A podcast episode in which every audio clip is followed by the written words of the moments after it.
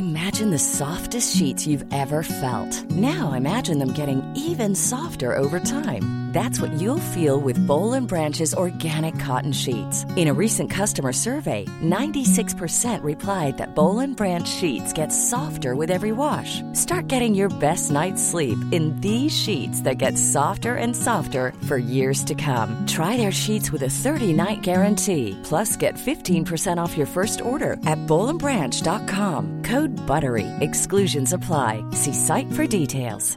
Hey, I'm Ryan Reynolds. At Mint Mobile, we like to do the opposite of what Big Wireless does. They charge you a lot, we charge you a little. So naturally, when they announced they'd be raising their prices due to inflation, we decided to deflate our prices due to not hating you. That's right. We're cutting the price of Mint Unlimited from $30 a month to just $15 a month. Give it a try at mintmobile.com slash switch. $45 upfront for three months plus taxes and fees. Promo rate for new customers for limited time. Unlimited more than 40 gigabytes per month. Slows. Full terms at mintmobile.com. Hold up. What was that? Boring. No flavor. That was as bad as those leftovers you ate all week. Kiki Palmer here, and it's time to say hello to something fresh and guilt-free. Hello Fresh. Jazz up dinner with pecan-crusted chicken or garlic butter shrimp scampi. Now that's music to my mouth. Hello Fresh. Let's get this dinner party started. Discover all the delicious possibilities at hellofresh.com. Nu är det fredag. Nu är det fredag! Nu är det götterna. götterna. Direkt från Göteborg. Med Micke Månaden och Glenn Hysén. Välkomna! Götterna. Tjena, det var Glenn här. Välkomna till Gött Enna-podden. Och idag har vi en, en person, en gubbe här som... Eh, han har varit med om mycket. Men framförallt en för detta bodybuilder, eller fortfarande bodybuilder. Eh, är väl en av de grövsta, största vi har haft. Och när man ser bilder på honom så är det fan med jämförbart med Arnold Schwarzenegger när han var som störst. Aldrig jävlar. Och det är ingen mindre än Martin Källström. Välkommen! Tack så mycket. Tack så mycket. Och bara tillägga det att Arnold var 20, 25 kilo lättare än mig. Och längre. Bara så att ni vet det. Ja. Okej? Jajamän, det är bra. Fick du en bättre bild nu Glenn eller? Ja. Eh, vi kommer lägga ut lite, vi kommer kopiera lite bilder och lägga ut på våra sociala medier där också då. Så kan våra följare och lyssnare få, få se lite härliga bilder på Självklart, dig. självklart. När du var som mest vältränad då.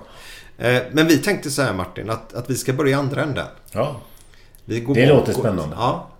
Eh, jag fick ju upp ögonen för dig här nu genom olika tidningsnotiser kan vi kalla det. Uppslag. Eh, och jag tyckte shit. Martin måste vara med i den här podden för det här kan bli spännande. För både jag och Glenn vi har grymt mycket författad meningar angående bodybuilding. Ja, ja, ja, ja. Så det här ska bli väldigt kul att höra Absolut. hur det här blir. Ja. Men det som var den stora tidningsankan här nu då under januari här nu Ja. då. eh, Det var ju att det hände en grej Stämmer det. i december va? Nu får jag gåshud som du ser. Ja, jag ser det. Eh, Shit. Det kan, jag kan bli lite rörd sådär. Det, det är någonting som har hänt nu efteråt. Kör bara, för fan. Jag kommer köra. 14 december fick jag ett eh, hjärtstopp. Eh, aldrig haft några problem med hjärtat. Inte känt någonting. Eh, ett hjärtstopp. Och på det en dubbelsidig lunginflammation. Och eh, blev liggande respirator i 17 dagar. Eh, ja, så, så var det helt enkelt. Men hjärtstopp, vart, eh, vad, vad hände? Jag var nere hos min kiropraktor nere i stan på Nordic Wellness Ullevi. En kille som heter Ardavan. Otroligt kompetent och nog en av de duktigaste jag varit hos. Jag går dit en gång i veckan nu. Annars brukar jag gå dit två gånger i veckan för att det är mycket att hålla ordning på kroppen. Eh, jag brukar alltid vara där klockan 10. Eh, brukar jag ha tid. Men den här dagen hade vi bokat tid klockan 14.00. Och tack och lov för jag hatar den tiden för då ska jag vara på gymmet. Men jag var där 14.00. Och jag tror att jag tog den tiden 14.00 för att det här skulle hända just då. Eh, Jag, jag, jag måste tro att det som skedde den 14 december skedde av en anledning. För annars så blir det, det blir jobbigt att tänka att varför hände det här mig? Jag, jag tror att det hände för att jag ska komma ännu djupare och nå en högre nivå. Eh, Jag låg på hans bänk och vi var nästan klara med behandling. Klockan var 14.20. Och ehm, han höll på att behandla min eh, vänstra skuldra, axel, triceps med en sån här massagepistol.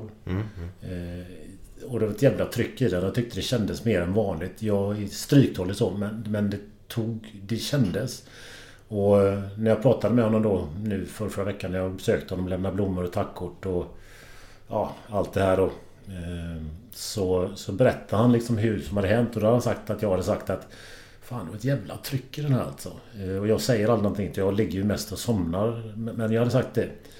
Samtidigt går han från vänster sida så kan han då gå över till höger sida och börja med höger skuldra. Och då ser han att benen börjar rycka och spasma som fasen. Och um, han vänder upp ansiktet och jag dreglar och ögonen rullar och hela, hela kroppen börjar skaka. Eh, han tänker att jag måste ju ner Martin på golvet. Eh, han handlar relativt lugnt. Nackdelen var ju det att bänken var så jävla högt upp så han kunde inte bara dra ner mig. Mm. För då blir det lite väl hård smäll. Och i och med att jag vägde då runt 135 kilo. Det är inte så lätt att flytta mig. Eh, och själva höj och sänkknappen var på vänster sida. Han stod på höger sida.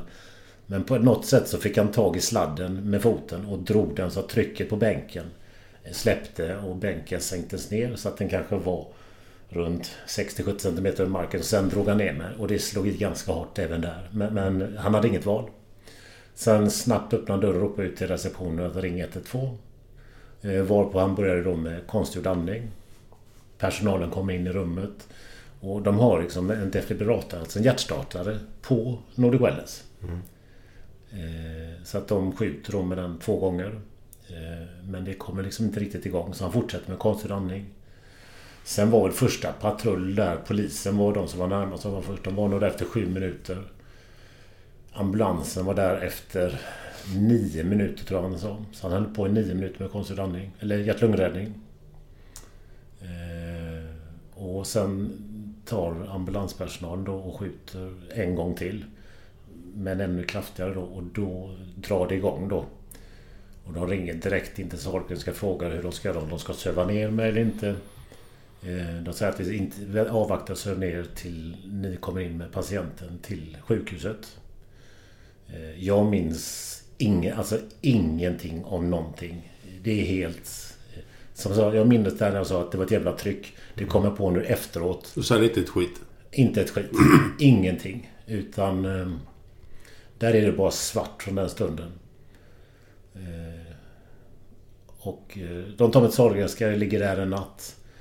Det är fullt där med just covid. Det, det har varit mycket så de åkte, mm. körde mig upp till Kungens lasarett. Så jag låg på IVA där uppe. Eh, under en, ja jag vet inte hur länge jag låg där. Tre, tre veckor ungefär. Tills jag vaknar upp. Eh, så det första jag minns är ju att eh, jag tittar upp och sen, sen får jag höra Martin då, mitt namn. Och, och vet du vad det är någonstans? Och det har hänt en olycka och du tänkte vad olycka? Alltså vad pratar ni om? Det, det var liksom bara... Alltså, jag har saker att göra tänkte jag. Men, men jag kunde inte röra mig. Den har legat sövd i 17 dagar.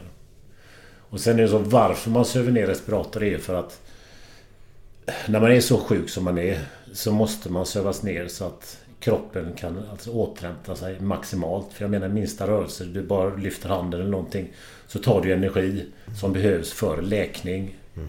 Och sen då den här dubbelsidiga lunginflammationen på det, det, den var inte bra.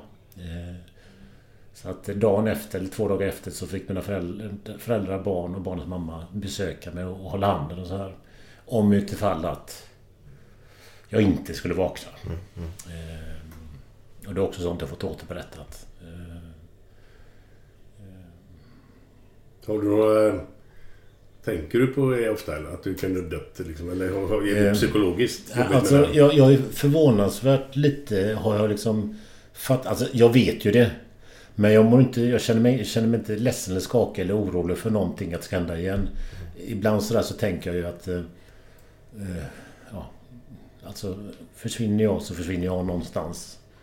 Men, men, det är ju de som är kvar, framförallt mina barn då. Det är ju det som, som gör att jag har tänkt om lite när det gäller vissa saker då. Det, det är ju av föräldrarna också, men barnens skull. Mm. De har haft det ja, men, tufft under en period. Ganska, ja men många år har det varit tufft för dem. Och nu är allting väldigt bra så att eh, jag måste ju finnas här. Eh, det bara är så. Eh, Men, men som sagt, jag minns ingenting av själva händelsen. Det är bara helt, helt eh, borta. Däremot hade jag massa drömmar.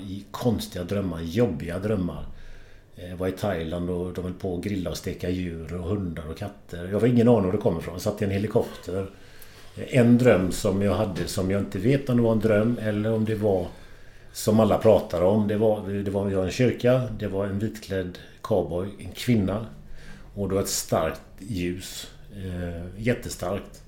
Eh, som jag upplevde, ja men det, det var fint på något sätt. Det var inte jobbigt, den var fin. Om det var som alla säger att de ser ljuset, jag vet inte men jag har, har fått en förståelse att okej, när man är så som jag var så, så kan, kan det hända saker i, om det är själen eller spirituellt eller eller bara drabbel. Jag vet inte men någonting, någonting är det. Jag har förståelse för de som pratar om det.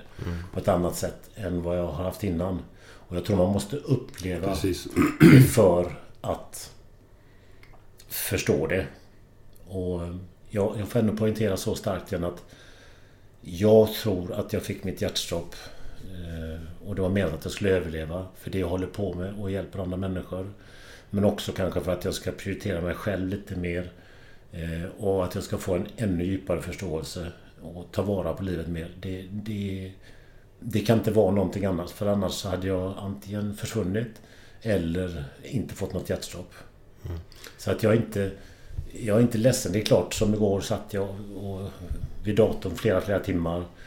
När klockan var sex så kände jag mig plötsligt så sjuk som jag gjorde när jag var på sjukhuset. Eh, det började skaka, kändes i bröstet. Jag mådde jättedåligt, ont i huvudet. Och det är ju det att jag kan inte... Jag är inte återställd än. Utan jag måste ta det lite försiktigare. Nu kan jag ju gå, alltså bara för en vecka sedan så var det mycket svårare. Så att det, det går väldigt mycket framåt. Och eh, jag blir lite sådär peppad och taggad på det här. För att jag ser det som en utmaning att kunna komma tillbaka till träningen. Även om det inte är på den nivån jag varit innan. Men just det här att få kämpa nu då närmaste halvåret, närmaste året för att komma tillbaka till livet på ett bra sätt. Eh, För idag är det så få människor som vill kämpa eller göra någonting. Utan de vill bara ha. Det är ju likadant som de ska anställa ungdomar eller som kommer ut från en sko- skola. Men de ska ha 35 000 lön utan erfarenhet. Alltså Världen är så konstig medan jag känner bara att jag, jag blir peppad av det här. Jag ska göra något bra utav det här. Så att... ehm, Eh, Okej, hade jag varit jättesjuk nu så som jag var för två veckor sedan, då hade det varit en annan sak. Men just nu, nej men jag har ändå känt... Jag har haft det här hela tiden att nu jävlar ska vi göra någonting bra utav det här. Och jag, jag ska tillbaka. Och sen tog jag beslut också att jag gör det helt öppet officiellt. Eh, dels för att... Är alltid- det, är, det, är det en bearbetning att göra det eller? Ja, det har det varit. Och sen blir det alltid mycket spekulation. Och plus när jag håller på med byggning så blir det ännu mer spekulation. Och så tänkte jag så här att okej, nu är jag på en sån plats. Jag kan inte, jag kan inte stå ens. Om jag visar det så finns det så många människor som är i, i liknande situationer. Och situationer som inte alls är lika jobbiga. Och så ser de att jag börjar stå, jag börjar gå, jag börjar ta mig tillbaka till livet. Jag driver upp mina företag, startar ett nytt företag. Om jag kan det så, så vill jag att de ska kunna tänka att men han, om han kan ligga liksom nersövd och ta tillbaka allt det här under ett halvår, ett år. Ja, men då ska jag ju kunna göra någonting också. Så att så folk inte bara tycker synd om sig att, att, eller att saker händer åt dem. För det är ingenting som händer åt människor utan saker händer för människor. Och, och det är inte så att myndigheter är emot en eller alla är elaka eller någonting utan det är alltid vi själva som skapar situationen vad det än gäller. Slänger lite i sjukdomar och sånt då? Eh, Ja, exakt. Men utöver det så, så är det ju vi själva som sätter oss i situationer. Jag har satt mig i skitmassa situationer under åren. Ja, ja vi, Men vi vet. har, har, du, eh, har du eh, tänkt på eller har du fått reda på varför det här hände? Är det på grund av ditt leverne eller hur du... Eller, eller är det bara... Det kan det drabba vem fan som helst eller? Eh, om vi säger så här. Ja, det kan drabba vem som helst. Ja. Eh, jag har inga skador på hjärtat. Jag fick inga skador på lungorna. Jag fick inga skador på hjärnan. De har ju gjort magnetröntgen. Däremot har jag förtjockade väggar på hjärtat. Det har jag haft i 15 år. Och varför jag har förtjockade väggar är för att jag använt mycket alltså AS-preparat, steroider. Eh, hjärtat är en muskel som resten av kroppen och även hjärtat växer det gör det inte på alla men, men under de åren jag var aktiv som mest då, då brukade jag väldigt mycket. Eh, jag visste riskerna men när man är uppe i det så, så kör man. Eh, och sen har jag liksom känt mig frisk. Men går man tillbaka sen till 2014, 13-14, sista där i min karriär så började jag ju bli sliten. Eh, så jag går var sjätte månad och tar prover. Eh, men, men fortfarande kan de inte säga varför. Det, det som de säger troligtvis för att jag får det är för att eh, jag tränar sex pass i veckan. Eh, jag har varit trött. Jag har haft ett väldigt lågt blodvärde. Vilket gör att du inte syresätter kroppen. Eh, oavsett hur trött jag än är så, så går jag alltid till gymmet måndag till lördag. Jag håller på med Youtube, jag jobbar, jag pratar mycket till folk. Så att, alltså kombinationen stressen och sen framförallt då min vikt. Eh, 135 kilo med, med åldern som jag nu har då. Så blir det, det blir för mycket belastning för hjärtat och orka dra runt. Och, och då kallas det ju arytmi det som man får. Eh, men som sagt det har inte varit några problem innan. Utan Vad hette det sa du? arytmi. Vad är det? Att hjärtat eh, kan slå snabbare eller att det kan slå långsammare. Eller att Ah, okej. blir, på EKG blir det... Ja. Alltså det kan bli sådana pikar i det. Och man kan känna att det rusar. Eh, Men, men jag har aldrig haft några känningar i bröstet. Alltså ingenting. Utan det här kom för mig helt... Bara kom. Så att de kan, de kan inte säga exakt vad orsaken var. Men kombinationen av allt det som jag nu tagit upp eh, har ju sannolikt gjort att jag fått hjärtstoppet. Yes. Men du, en fråga där. Med drömmarna du pratar om. Ja. För de pratar ju väldigt mycket om det om covid-patienter som varit nedsövda nu. Att de har ju väldigt mycket mardrömmar också. Kan det ha någonting med att man söver ner en människa eller vad? Jag tror absolut det. För, för det var kraftigt. Alltså jag kommer ihåg eh, minnesbilder har jag ju fortfarande. Starka minnesbilder. Eh, Vissa saker har försvunnit men, men det är väldigt starka drömmar. Väldigt jobbiga drömmar. Och vissa även lite pinsamma drömmar. Så att eh, det var inga behagliga förutom då den här i kyrkan. Men den var lite stressande. Men- ja, jag tror det. Man söver ner. Sen får man inte glömma att det var mycket mediciner jag fick på den perioden. Alltså mycket mediciner. Eh, och det ställer ju till det i huvudet om man säger. Så att det, jag tror det är det som gör att man, man drömmer så som man gör faktiskt. Men vad ska du göra nu för att bli bättre och bättre och bättre? Har du fått någon, någon dir, dir, eller, ja, direktiv vad du ska göra? Ja, för att nu alltså- gör du så här, äter det och det eller dricker det Ja, och det nej. eller... Först och främst vila då. Ja. Eh, och nu har jag varit hemma och vilat två veckor. Så det, det, jag började Planerar. Jag är sjukskriven men, jag börjar planera nu för så att jag eh, börjar jobba fullt i januari. Alltså mitt jobb är ju hemifrån på en dator och vi spelar in Youtube och grejer. Vi spelar in en Youtube i helgen nu. Eh, men det de säger till mig är att du kan egentligen göra vad som helst. Du känner vad du klarar av. Och det var ju som jag sa här innan vi började spela in att jag satt vid datorn i åtta timmar igår. Eh, och det kändes bra. Till sista timmen när det börjar vibrera i bröstet. Benen blir svaga, det skakar, fingrarna skakade, huvudvärk. Och jag kunde inte ens laga middag till lungorna utan jag blev så dålig så jag fick lägga mig ner. Så att jag måste fortfarande ta det lugnt. Alltså vila mycket. Och försöka äta regelbundet fyra fem gånger om dagen. Inget speciellt så, jag menar vanlig sund husmanskost. Har du lyft en hantel? Nej, jag har inte lyft Du har inte en gjort någonting åt det Jag hållet? pratade med... Nej Pratade men jag tänker Ja. 50 kilo ingenting för räcker. Nej, nej alltså, det är ju det. Varför, det är ju det att jag har haft så jävla ont i ryggen. Ja.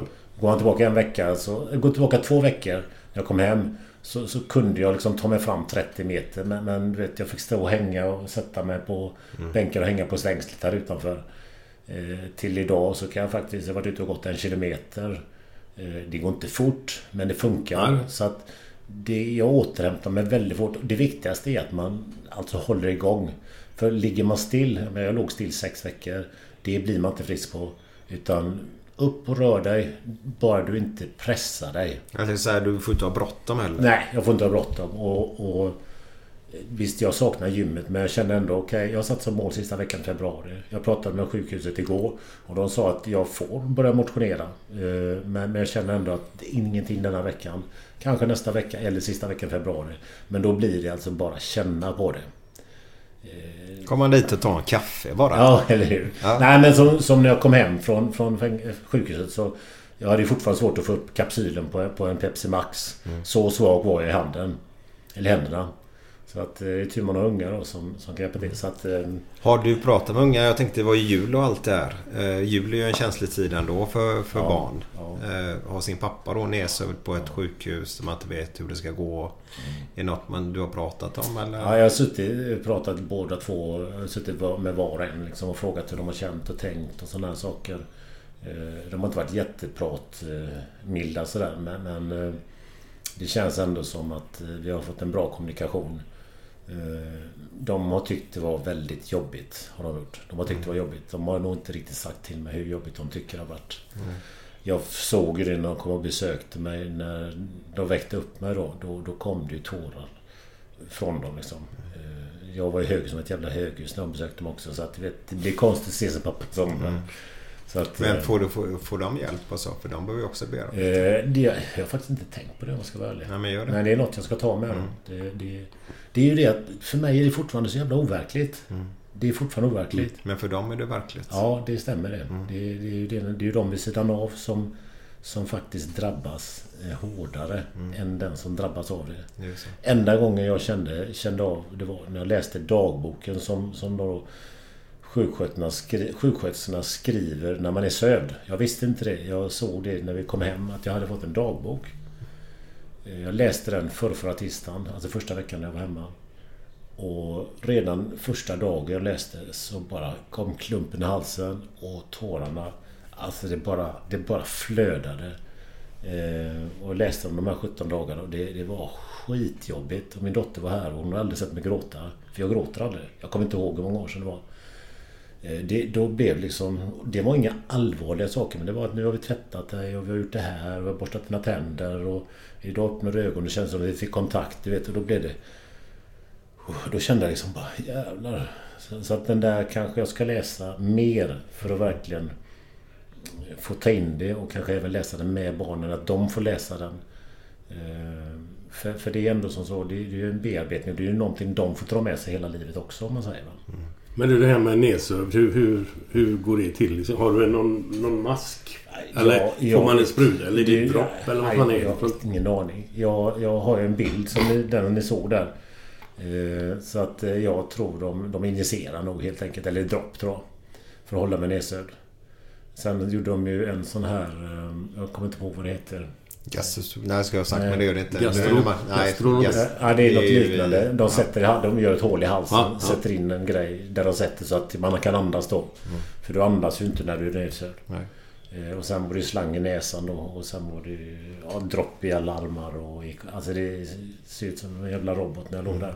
Men vilken bra sjukvård du har. Ja, alltså jag har berömt eh, på sociala medier väldigt mycket för att eh, den, det fantastiska jobb som, som läkare... Ja, läkare gör ju ett bra jobb men, men om man tänker sjuksköterskor och undersköterskor Skötare också män då. Alltså det jobbet de har gjort. Eh, alltså du ringer på en klocka. Du trycker på en knapp och så är de där på bara några sekunder oftast. Eh, och du får ringa på den. De säger, ja, du vet, när jag kunde, ville gå på toan. När de tog ut katetern och allting då. Så, Eller de här som man har kissar och bajsar i då.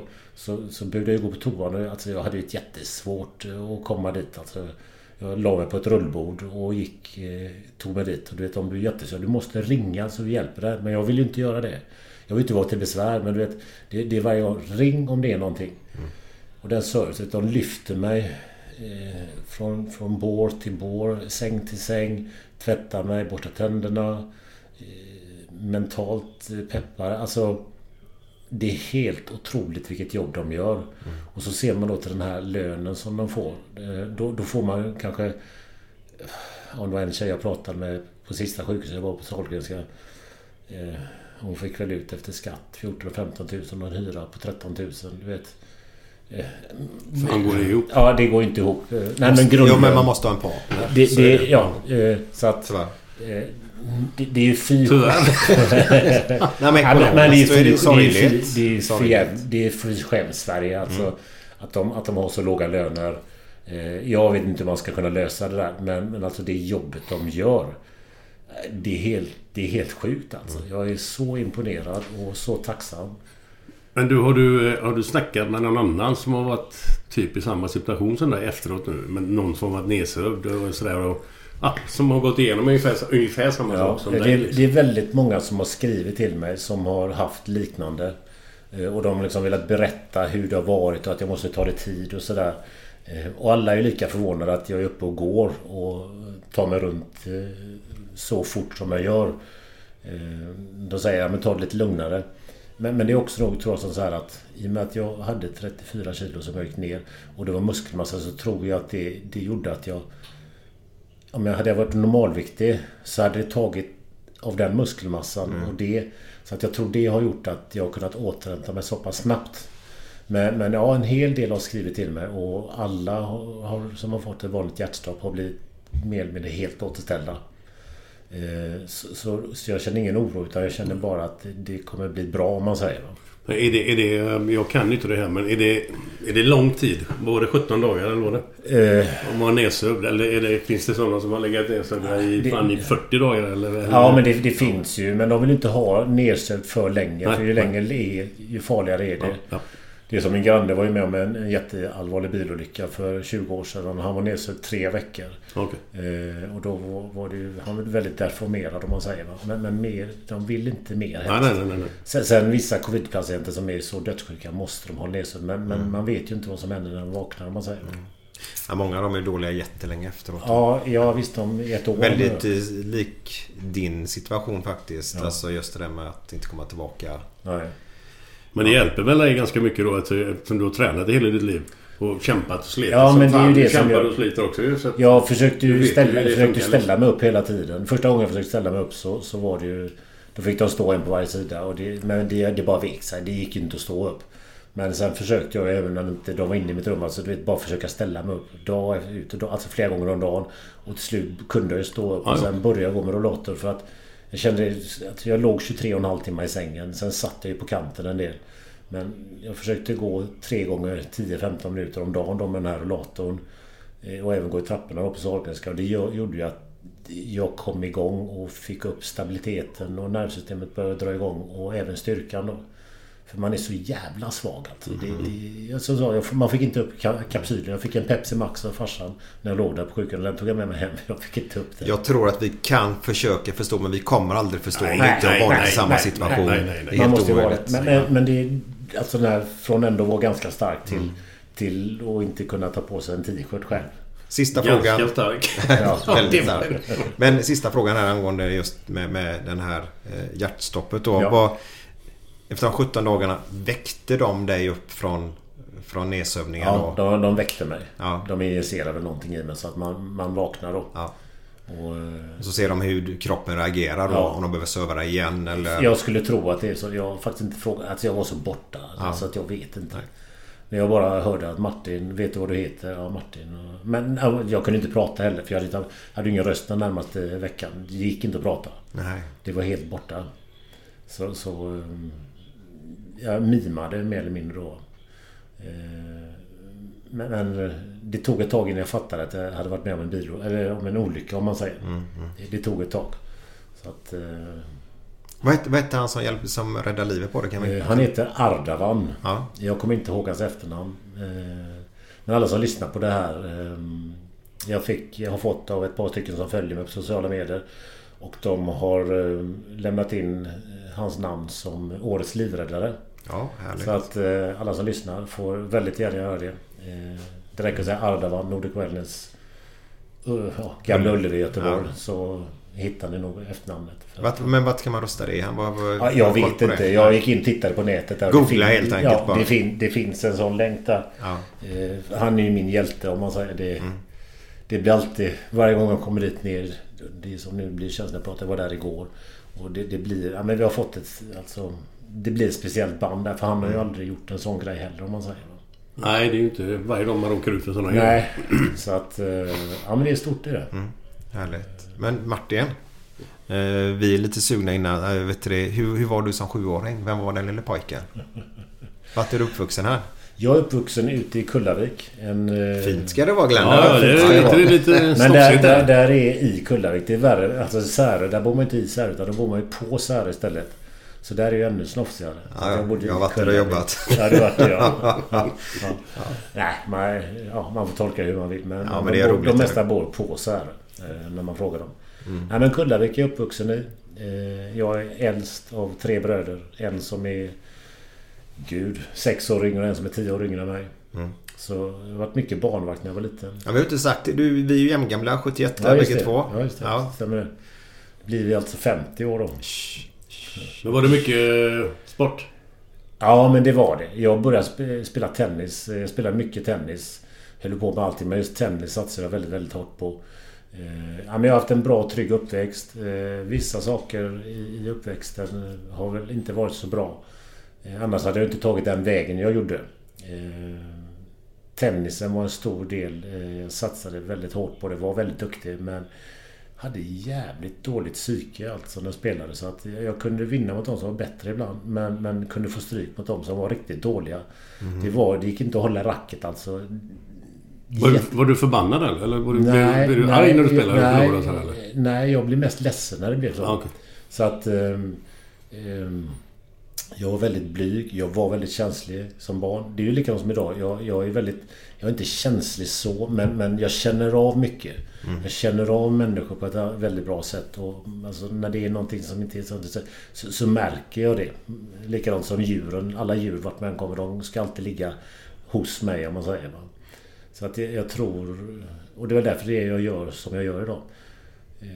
Eh, Kullavik är en fantastisk plats. Alltså havet. Eh, det, är det, enda, alltså det är det bästa. Havet. Eh, vi, vi bodde vid havet. Jag, det, nej, jag minns att det var alltid snö på vinter och det var alltid sol på sommaren. Det Självklart. minns. Självklart. Det gör vi alla. Ja, det, det är fan det enda jag minns. Ja men det kommer våra barn också minnas när de blir äldre Ja, sen. ja. Men när kom eh, lyfteriet in i bilden? Du, ehm, det kom inte förrän 26 års ålder. Ehm, då började jag... Jag hade ju varit jävligt sjuk där under en tioårsperiod. Ehm, I, i ja, ätstörning, bulimi helt enkelt. Jaha. Så att... ehm, En av de jävligaste sjukdomarna Ja, som ja. finns. Eh, Tennisen där fick jag så stor press på mig själv så att jag började springa och sen började jag springa en mil om dagen, två mil om dagen, tre mil om dagen, vissa dagar fyra mil om dagen. Och på något sätt så... ja, Det, det var helt sjukt att jag orkade. Och ibland sprang jag två gånger om dagen. Så att jag blev jävligt tunn om man säger va. Och det spelar ingen roll om jag åt mycket. Men sedan helt plötsligt så började det bli mer och mer ångest. Och bli tvång då att springa hela tiden. Eh, och tennisen la jag av mig för jag, jag blev besviken på mig själv. Eh, och sen gick det här med löpningen började jag då spy helt enkelt. För, alltså för jag mådde dåligt. Eh, och det blir ju som ett beroende, precis som alkohol eller narkotika. Ett, ett sätt att döva känslorna med. Det gjorde jag med mat då. Och sen då när man äter... du Kan äta, jag kunde köpa handla saker för 300 kronor och vräka i mig fyra, fem gånger om dagen och sen spy upp då. Och då, just när man spyr upp då, då släpp, släpper ju ångesten då. För stunden. Men, men du, varför fick du... Du fick ångest för att du hade vräkt i dig en massa onyttigheter då eller vadå? Ja, exakt. Så att eh, då skulle jag ut med det. Och då mådde jag bra en liten, liten stund till suget efter mat och sötsaker kom igen. Och så var det på nytt. Så jag menar allt mellan två, tre, fyra upp till fem gånger om dagen gjorde jag detta. Under en tioårsperiod. Oj, det är ganska länge. Ja, och då, då isolerade jag mig helt från allt. Killar, tjejer, alltså allt. Jag bara jobbade sju dagar i veckan och så åt jag och spydde jag. Vad, vad jobbar du med då? Jag jobbade på ett lager på Matsport på den tiden. Gamla hederliga Matsport? Exakt, ja. På Backaplan. Backaplan. Så att, eh, och det blir också där. Jag började jobba fem dagar i veckan, sen blir det sex dagar i veckan, sen blir det sju dagar i veckan. Och jag menar månadslönen i början kanske var 5 000, 6 000, 7 000. Men, men då kände jag liksom att nu har jag hoppat av skolan. Nu ska vi spara upp en miljon bara för att ja, men nu ska känna mig trygg. Då. Så då jobbade jag tio år i rad. Så jag hade jobbat ihop en miljon. Så att jag hade det. Och, och, så, så att jag har alltid satt höga mål. Och låtit det, det ta den tid det tar. För att alltså arbeta eh, med en vanlig arbetarlön och spara en miljon, det, det är rätt tufft. Det, bör ju ta längre tid än normalt men... Ja, men jag hade två jobb också. Ja, ja. Jag hade ett jag jobbade till fem. Och sen hade jag ett jobb jag var verkstad då. Och sen även helgerna. Så att jag, jag jobbade jättemycket. Sen gick jag in i väggen när jag var 25 och blev sjukskriven och kunde ju knappt röra mig. Men bulimin där, så jag bara så jag får ihop det i mitt, mitt huvud där. Som, som du, samtidigt som du jobbar så mycket där. Det var att Imagine the softest sheets you've ever felt. Now imagine them getting even softer over time. That's what you'll feel with Bowl and Branch's organic cotton sheets. In a recent customer survey, 96% replied that Bowl and Branch sheets get softer with every wash. Start getting your best night's sleep in these sheets that get softer and softer for years to come. Try their sheets with a 30-night guarantee. Plus, get 15% off your first order at bowlandbranch.com. Code BUTTERY. Exclusions apply. See site for details. Hey, I'm Ryan Reynolds. Recently, I asked Mint Mobile's legal team if big wireless companies are allowed to raise prices due to inflation. They said yes. And then when I asked if raising prices technically violates those onerous two year contracts, they said, What the f are you talking about, you insane Hollywood ass? F- So to recap, we're cutting the price of Mint Unlimited from $30 a month to just $15 a month. Give it a try at mintmobile.com slash switch. $45 upfront for three months plus taxes and fees. Promo for new customers for limited time. Unlimited more than 40 gigabytes per month. Slows. Full terms at mintmobile.com. Millions of people have lost weight with personalized plans from Noom, like Evan, who can't stand salads and still lost 50 pounds. Salads, generally, for most people, are the easy button, right? For me, that wasn't an option. I never really was a salad guy. That's just not who I am. But Noom worked for me. Get your personalized plan today at Noom.com. Real Noom user compensated to provide their story. In four weeks, the typical Noom user can expect to lose one to two pounds per week. Individual results may vary. du fick den där ä- åt, spydde och hela den biten. Eh, Sprang du och sånt på den här tiden Jag sprang då också. Och det var ju som så här att med att jag sprang så mycket som jag gjorde så fick jag äta så mycket. Och sen helt plötsligt började jag äta ännu mer än vad jag behövde. För att, ja, jag vet egentligen inte varför. Men då åt jag så mycket så att det gick ju inte att andas slut. Jag kunde inte röra mig. Och då, sommaren 2000, när jag var 16 år. Eh, vad blir det då? 90... Ja, jag är 87, 87, 87 ja. så bara fick jag för mig, ja men fan jag stoppar fingret i halsen och testar. Och då kom ju allting upp och då kunde jag ju andas och röra mig och sen bara var jag fast. Mm. Det, det var det, helt otroligt egentligen. Men det tog aldrig över så långt så att du blev inlagd på sjukhus? Nej, och... eh, jag skulle väl egentligen blivit det. Men, men eh, jag söker, man söker ju som kille också på det här. Du vet, man vill ju inte, man pratar inte om någon och sen eh, eh, Föräldrarna de förstod ju till slut men, men man pratade inte om det på den tiden så som man gör Nej, det idag. var ju 80-90-talet. Ja. Ja, så Nej. att det, det pratades ju aldrig om det. Eh, Det är en jag- väldigt dödlig sjukdom ja, ju. ja. Och jag anklagar inte mina föräldrar för någonting där utan eh, det, det, det var så det var om man säger. Va? Mm. Och samtidigt, hade jag inte haft det så hade jag inte varit där idag heller. Nej. Så att, men det tog lång tid att komma över och det gjorde det när jag då började träna så fick jag en jävla kick för jag fick ju, kände en känsla som jag inte hade känt på väldigt lä- länge. Vilket gym började du på? Jag började träna på ett gym som heter Top Fitness Center. Ett gym ute i Bildal. Men vad, vad fick dig att gå dit från ingenstans liksom? Eh, grannbutiken, min farsa hade ju en butik på den tiden, möbelbutik. Butiken mitt emot där. Eh, jobbade två stycken killar. Han som drev den tränade mycket, var rätt halvgrov. Och den andra killen tränade också mycket, han är min ålder. Och... Ja, men det, det började känna lite sådär, men fan jag ska nog testa det här. Så att först då hade jag allting hemma och sen började jag lite smått och sen så gick jag till gymmet och började köra och så blev det att jag körde givetvis sju dagar i veckan där också. Ja, jag tänkte Jag säga körde det. då- jag körde ju, då finns ju halva- inget normalt Jag körde halva kroppen på måndag och så andra halva på kroppen tisdag. Och så började jag om på onsdag, torsdag, fredag, lördag. Och i början var gymmet stängt söndagar så då tränade jag inte. Men sen fick jag ju nyckeln jag, till gymmet. Jag fick ju låna den. Så att då kunde jag ju träna söndagar också. När det inte var någon där. Och jag gick då upp från 69 till 90 kilo på ett år. Och det var helt utan preparat också. Jag tänkte fråga, det var helt utan alltså? Helt du var helt utan- ren? ja, helt ren. För det är ju enorm viktuppgång. Ja, det är enorm viktuppgång. Det kanske var, det kanske var 14 månader. Jag är lite osäker. Men 12-14 månader gick jag upp till. Och det blev ju ett helt nytt liv för mig. Eh, Jag hade ju fortfarande bulimin men den minskade ju för jag var ju tvungen, alltså sista gången jag spydde på kvällen så var jag tvungen ändå att äta en gång till för att inte bli katabola. Och sen Vad är katabol? Ja, Alltså katabol blir det ju. Om du inte äter så blir det katabol, alltså muskelnedbrytning. Okej. Du vill ju bli anabol, alltså så att muskeln Jaha. byggs. Det är ju uttryck man använder. okej. Jaha, det är där det kommer ifrån? Ja, Anabola? ja exakt. Ja, okej. Eh, Ett byggande tillstånd. Eh, Så att det blir att du börjar sköta. Sen börjar jag köpa...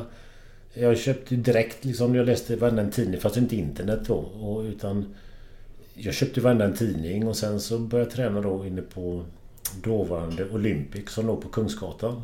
Det blev senare satt. Ett fantastiskt bra gym på tre våningar. Och du vet jag tittade hur han... Om det var någon som hade bra armar tittade jag han tränade armar. Om det var någon som hade bra ben tittade jag han tränade ben. Och så anammade alltså allting som jag såg. Och läste varje tidning jag kunde göra. Nu bara snabbt. Det är vi 97-98 där någonstans då? Eller åldersmässigt? Eh, stämmer det. Stämmer det. Och, och eh, det hände ju som fan. Och sen då trodde ju alla att jag ändå körde steroider. Och jag, nej men det gjorde jag ju inte. Eh, och det, det, det kände jag mig lite sådär kränkt när de sa det. Det fanns ett café som hette... Fan hette det som låg också där vid Kungsgatan? Eh, Är vi domkyrkan där? eller? Nej. Ja, nästan. Ja, skitsamma. Det var ett sånt café de serverade kyckling och ris, kalkon och ris. Alltså, okej, fisk ja. och, så, alltså, och där hängde de för gymmet var ju bara 100 meter därifrån. Så jag började äta där och då, du vet, de trodde också, tänkte men fan jag, jag använder ju ingenting. Sen så började eh, jag smått med lite sådana tabletter. Eh, och du, du vet, det hände ju ännu mer då. Ja men vänta nu. Innan du fortsätter här nu. För nu har, nu, här har jag en fråga som jag har Ja, tänkt på. ja. Där att... Vad tog steg, varför jag tog steget? Och hur blev du erbjudande? Ehm, ja, det var en bra fråga. Jo, jag vet faktiskt eh, till och med vem. Jag ska inte säga namnet för det blir Nej. fel. Även, även fall eh, han säkert inte har något emot mig. Men det var en väldigt eh, känd... eh, Ja, det var faktiskt en känd bodybuilder på den tiden. Han, han är en bra bit över 65 idag. Om jag inte närmare 70 till och med. Eh, Som sålde mycket sånt där. Och han var inne i butiken och sådär och pratade. Och jag, du vet, jag tittade på honom och tänkte bara shit vad stor han är. Du vet. Inne i butiken? Ja, bara... nej, möbelbutiken då som vi drev då. Jaha okej. Eh, Han skulle handla möbler och, och, och jag tittade på den och tänkte vad fan, du vet bara wow. Och så började vi prata om det här och tänkte jag, "Ja, ska du inte ha det? Och så tänkte jag, vad fan, ja, ja men jag köper en liten burk då. Eh, Och det svarar jag ju så bra på som ingen annan har gjort heller. Men Var det, det, fråga, var det ryssfemmor då Det eller? var ryssfemmor det. är det dyra grejer eller? Nej, nej. Nej. Men då måste jag, för vi har pratat om ryssfemmor i den här podden en gång innan. Och då slängde jag mig med en grej för jag brukar killgissa då. Ja, Eh, av, av var den fick namnet från ryssfemmor då. Eh, och då min teori är ju så här att det kommer från hockeyvärlden och det har med, med ryssarnas första femma. Med Larionov och Makarov och gubbarna. Kassatornov och gubbarna. Ja. Där har jag sådär då slängt mig i den här podden något avsnitt då. Men vet du vad? Nej, jag tror inte det kommer från det. utan Jag tror att... ehm, Eh, vad jag har, hört på den tiden att soldaterna fick detta. De fick ju även amfetamin. Soldaterna för att orka strida bättre. Och jag tror att även dianabolen, eh, som det heter i ryssarna, kallas ju dianabol. Kallas det. Vad heter det? Dianabol kallas het, är, Dianabol. är namnet på, Ah, okej. på substansen. Jag, sk- jag har inte fått det bekräftat, inte dementerat heller. Men jag tror att det var någonting som soldaterna hade med sig också. För att de skulle bli lite mer aggressiva, orka lite mer. Jag tror det, men jag, jag vet inte. Det låter ju rimligt. Men, men, men jag skulle kunna tänka mig att det, jag har hört någon säga det innan också. Eh, för jag vet ju att de fick amfetamin eh, under världskrigen där. För att Oh, ja. orka kriga då och vakna. Och japanerna fick väl något annat. De här ja, Kawasaki-piloterna ja, exakt. Så att jag skulle tro det kommer därifrån. Var, varför skulle det annars heta vad det heter, tänker jag då. Jag, Men- går- men jag, jag går på min där var hockeyvariant. intressant där. Ja, det är väl inte omöjligt. För de måste ju ha tagit det, tänker ju alla. Ja, ja, det Men fanns. de har ju inga biffar. Ja, du behöver inte vara biff. Blir bra. nej, nej, men bra Nej. ja. Men, jo. Men, men du ökar ju styrkan och Ja. uthålligheten Ja. med dem. Det är ju det de gör. De ökar ju proteinsyntesen i kroppen. Så att du orkar... Det är ju det som är... Eh, de gör ju att du orkar träna hårdare. Och det gör ju också att du ökar proteinsyntesen i kroppen. Det är det som gör att muskeln växer fortare. Men jag menar, om du bara tar steroider och inte tränar så, så växer ju inga muskler heller. nej, nej, nej. Utan då drar du egentligen bara på dig onödig vätska. Så, så det är protein, du får igång protein. Är det protein som gör att muskler växer? Är det protein som Det är gör det? proteinet du äter. Alltså den ökar Ja. syntesen av det. Att man kan ta upp mer utav det. Okej. Så att eh, sen finns det ju Det finns hur mycket olika tillskott som helst där. Kan inte du bara fråga eller svara på hur, hur känner du tog dessa tabletterna? Underbart. Underbart. Ja, det var så. Ja, det var underbart. Du fick ju en helt annan... Alltså det är eufori-. Alltså du fick ju kontakt och pump i kroppen på ett sätt som... Jag säger det igen. Alltså en, om en surfare tar sin första våg och liksom klarar av det. Du vet, den, den kicken. Eller heroinisten då tar sin första Ja, rock, samma sak. Mm. Samma sak. Och, jätteskön känsla. Och de första, första fem åren var det ju så egentligen varje dag. Om man tittar på vågorna. Men det gick ju upp. Alltså, tittar du på vågor så var det ju, gick det ju upp i vikt hela tiden. Och det blev ju starkare och det blev ju större. Mm. Och det blir en kick. Och det är det som blir beroendet. Det är inte själva steroiden som är beroendeframkallande. För då hade jag ju mått jättedåligt idag. Utan det är resultatet som... Resultatet. Det är ju det som är skillnaden med alkohol och narkotika. För där blir du beroende och måste ha det för att klara av att leva. Annars tänder du av om man säger. Du, du tänder ju inte av på steroiden. Däremot när allting går ur kroppen och din testosteronproduktion då blir väldigt låg. Då mår du väldigt dåligt. Men tog, tog du sånt varje dag då eller? Ja, du behöver inte ta det varje dag utan det var ett par gånger i veckan. Ja. Men det blir ju mer och mer och mer. Så att eh, som mest under den perioden när jag tävlade så var det ju mer eller mindre varje dag. Fick du bristningar och sånt på kroppen? Nej, då? inte en enda bristning. För det är ganska vanligt eller? Det är väldigt vanligt. Och, och, men, ursäkta att man är så jävla Nej, dålig på sånt här men... Var det, Det är mer- väl sunt att du är det? Jo men, var, jo, men är, är det, är, var det mer eller mindre accepterat då i tävlingar och sånt eller? Eller nej, han är dopad den jäveln. Han får inte vara med här. Eller hur fan Om man säger så här, Sverige är ju väldigt så, där pratas... Där är ju allting förbjudet i Sverige mer eller mindre. Och det är ju inte... Det var ju inte tillåtet men förr i tiden så... Så såldes det ju ganska mycket. Det, det var ju förbjudet att sälja men det var inte förbjudet att köpa och använda. Så, så om du går tillbaka till 80 och 90-talet så var det ju väldigt många alltså, som satsade på det. Och vi hade väldigt bra killar och, men det fanns ingenting som- som hette tester på tävlingar då. Nu de sista åren så är det ju många yngre och det är många tjejer som använder också inom bikinisporten, fitnessen och allting. Så att nu har de så lite tester på tävlingarna.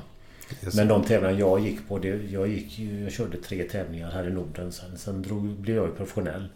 Så att eh, i proffstouren så existerar ju inte tester på, Nähä. på det. Nej. Så som det gör alltså fotboll, idrott, eh, friidrott och grejer. Där är det en annan sak om man säger. Va? Men det är ju samma cyklingen som var med... Ja, har du sett ja. den eh, dokumentären om Ja, Lance, ja, Lance ja. Armstrong? Den är riktigt bra Ja. alltså. Tre, fyra avsnitt.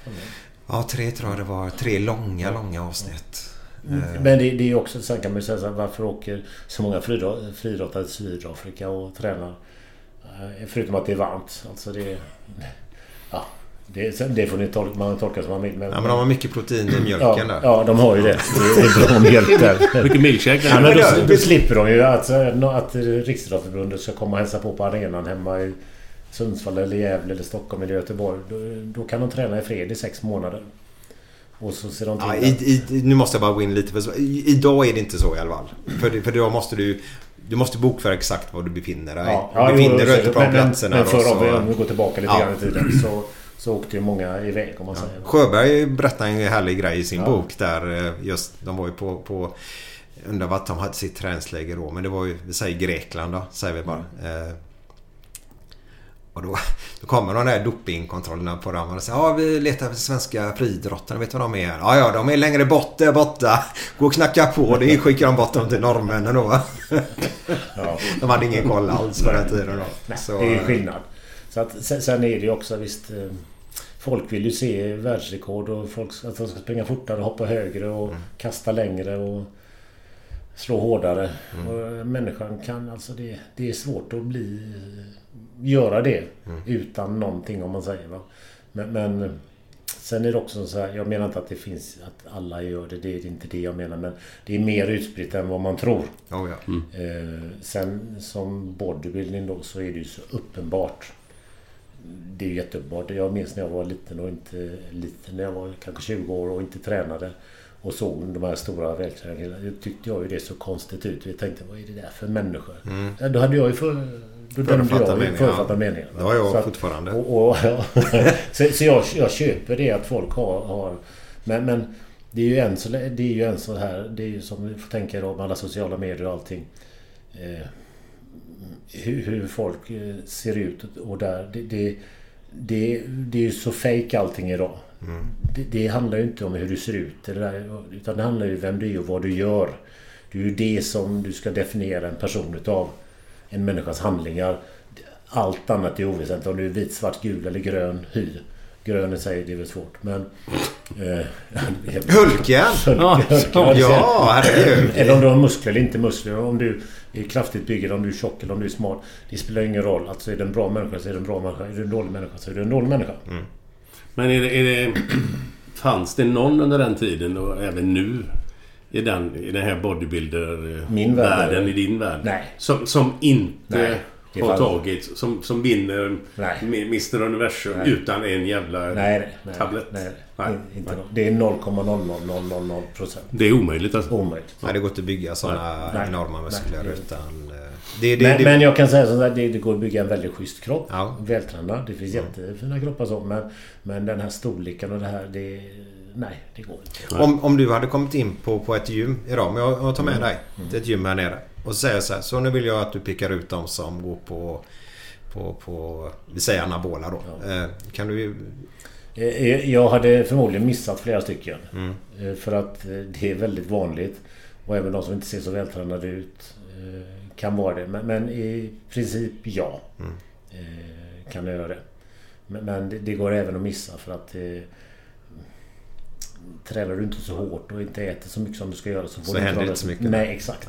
Utan, men, men självklart eh, Det uppenbara ser man ju väldigt snabbt. Vet du vad? Ikväll, jag måste bara avbryta för vi ska göra en liten grej nu. Ja. Ikväll kommer folk dopa sig så inåt helvete med gött enna Ja, ja, ja. Nu blir det fredagskänsla Glenn. Ja, fan vad gött.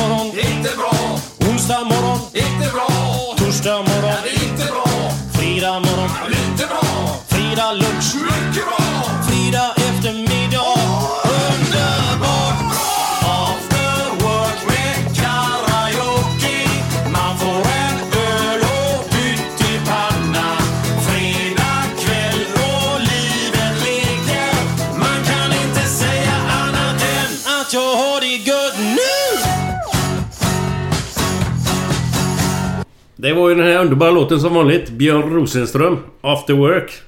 Den kan man höra till leda. Ja. Har du lite nivåsättning Glenn? Ja, Medan du kan- kollar upp det så vad är fredagskänsla för dig? Fredagskänsla. Alltså, jag, jag tycker egentligen eh, att eh, måndag till söndag känns väldigt eh, samma. Eh, sön, söndagar är en dag som är, den är chill. Den, den försöker jag göra mindre på. Men, men överlag så är veckan ganska lik. Eh, tycker jag. Men, men sen fredag är ju ändå fredag på något sätt så att man vet att det är fredag.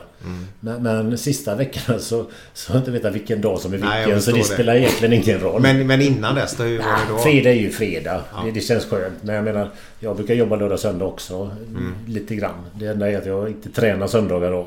Så att det, det ser jag fram emot på söndagen och det vet jag redan på fredagen. Eh, Men, men annars så... Nej, fredag har ju alltid varit fredag i alla år. Men går det att, att eh, dricka alkohol samtidigt som man ska träna bra? Ja, det handlar ju inte om det. utan Det handlar ju om mängden.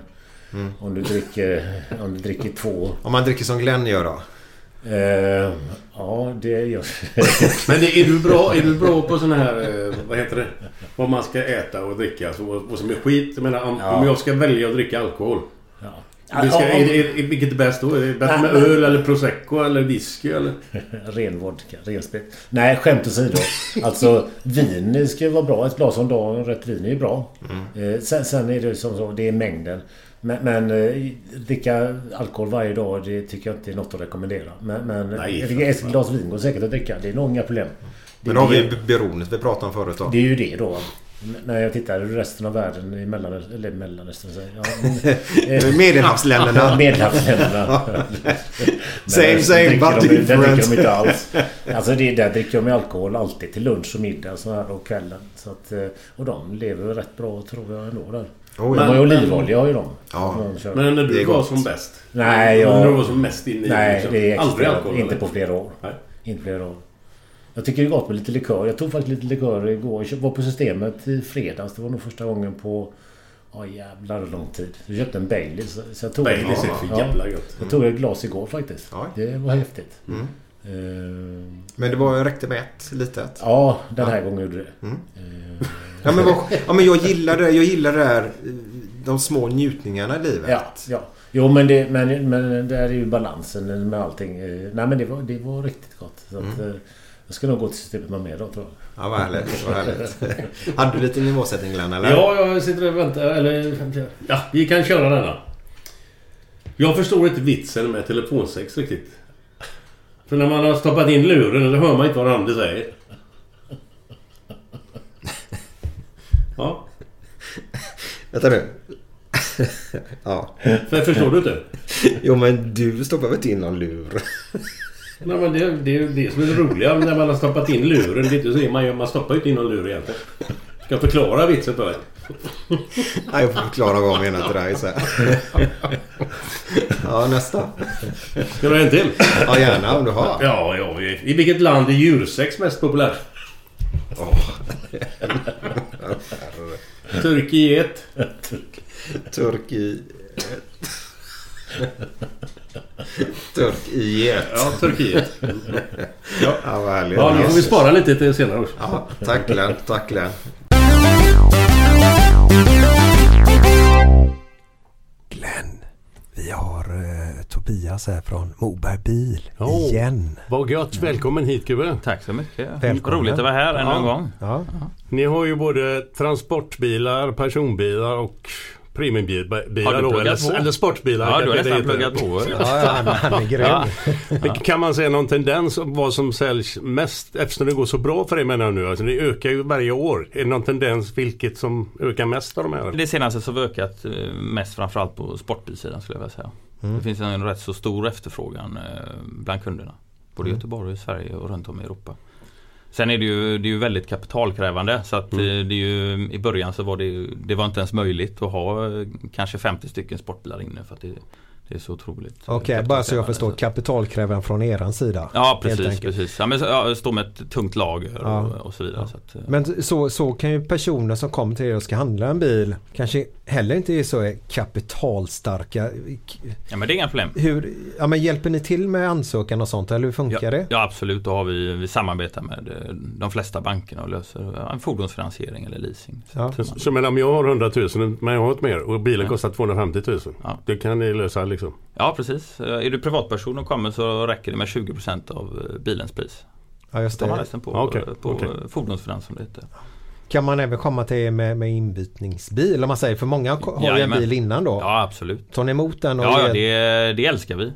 Då tar vi den inbyte, Ja, räknar vi på ser- den och så ser vi en eh, till möjlig affär som Ja, ja, ja. vi byter in och säljer vidare sen. Och då är omsättningen uppe i över 300 Ja, miljoner istället då. snart så Men- är tanken att... Ja, Men ni tar inte in vad för skit som helst då? Ja.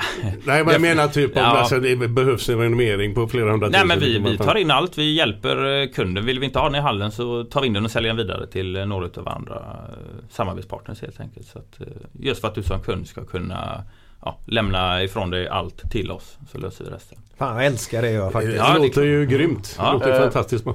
Jag hade ju på, i början på 90-talet en BMW 535i. Ja, se där ja. Ju... Den var sprillans ny då alltså. Ja, okej. ja. Den var ja, det var jävligt eh, Ja. suverän bil alltså. ja, det måste varit en eh, fin bil på den tiden. Absolut. Ja. Eh, jag undrar bara jag vill köpa, kanske köpa en ny nu. Eh, Gillar du BMW? ja, jag tycker Ja. de är görfräcka alltså. Ja. Eh, vad, alltså, om jag kommer in, vad, vad behöver man ha med sig i cash liksom för att köpa en, en typ av BMW då? eller? Nej men då skulle jag säga att eh, vi har en BMW M5 Competition inne i lager. Eh, den hade varit eh, riktigt fin för dig. Eh, Är det- 625 hästar. Eh, 0 till 100 på 3,3 sekunder. Eh, 980 000. Drygt 200 000 kontantinsats. Då har du grejer. Alltså nu ska man inte överdriva här men bara 200 000 och en ska kosta 900.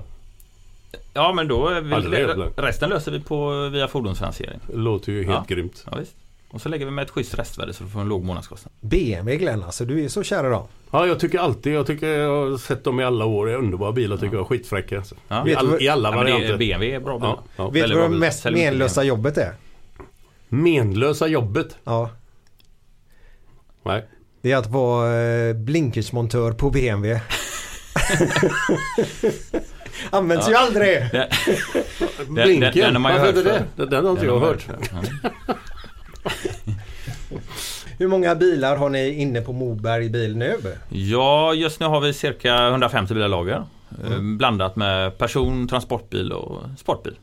Härligt, härligt. Glenn, vi tackar då Tobias på Moberg bil så gott för den här veckan. Stort tack. Stort Gött tack. snack, tack så ja, mycket. det är samma. Roligt att få vara här ännu en gång. Härligt, Ja. tack tack. Eh, vi var inne på, på det här med, med doping och det förut. Ja. Vi ska komma in på det lite mer sen. Ja. Där. Eh, för ja men det är ett bra ämne. Eh, Det är faktiskt ett bra ämne. Eh, Och jag är ingen förespråkare för doping. Men, men de mesta som börjar med det gör ju det. Det är precis som allting som är förbjudet. Jag menar alkohol är ju jättespännande att dricka när du är 16, 17, 18, 19. När du är 20 så är det inte lika spännande. Och jag säger som så här, fan. Hellre att man får råd och tips av någon som kan. Än att testa och lyssna på kompisarna vad de säger.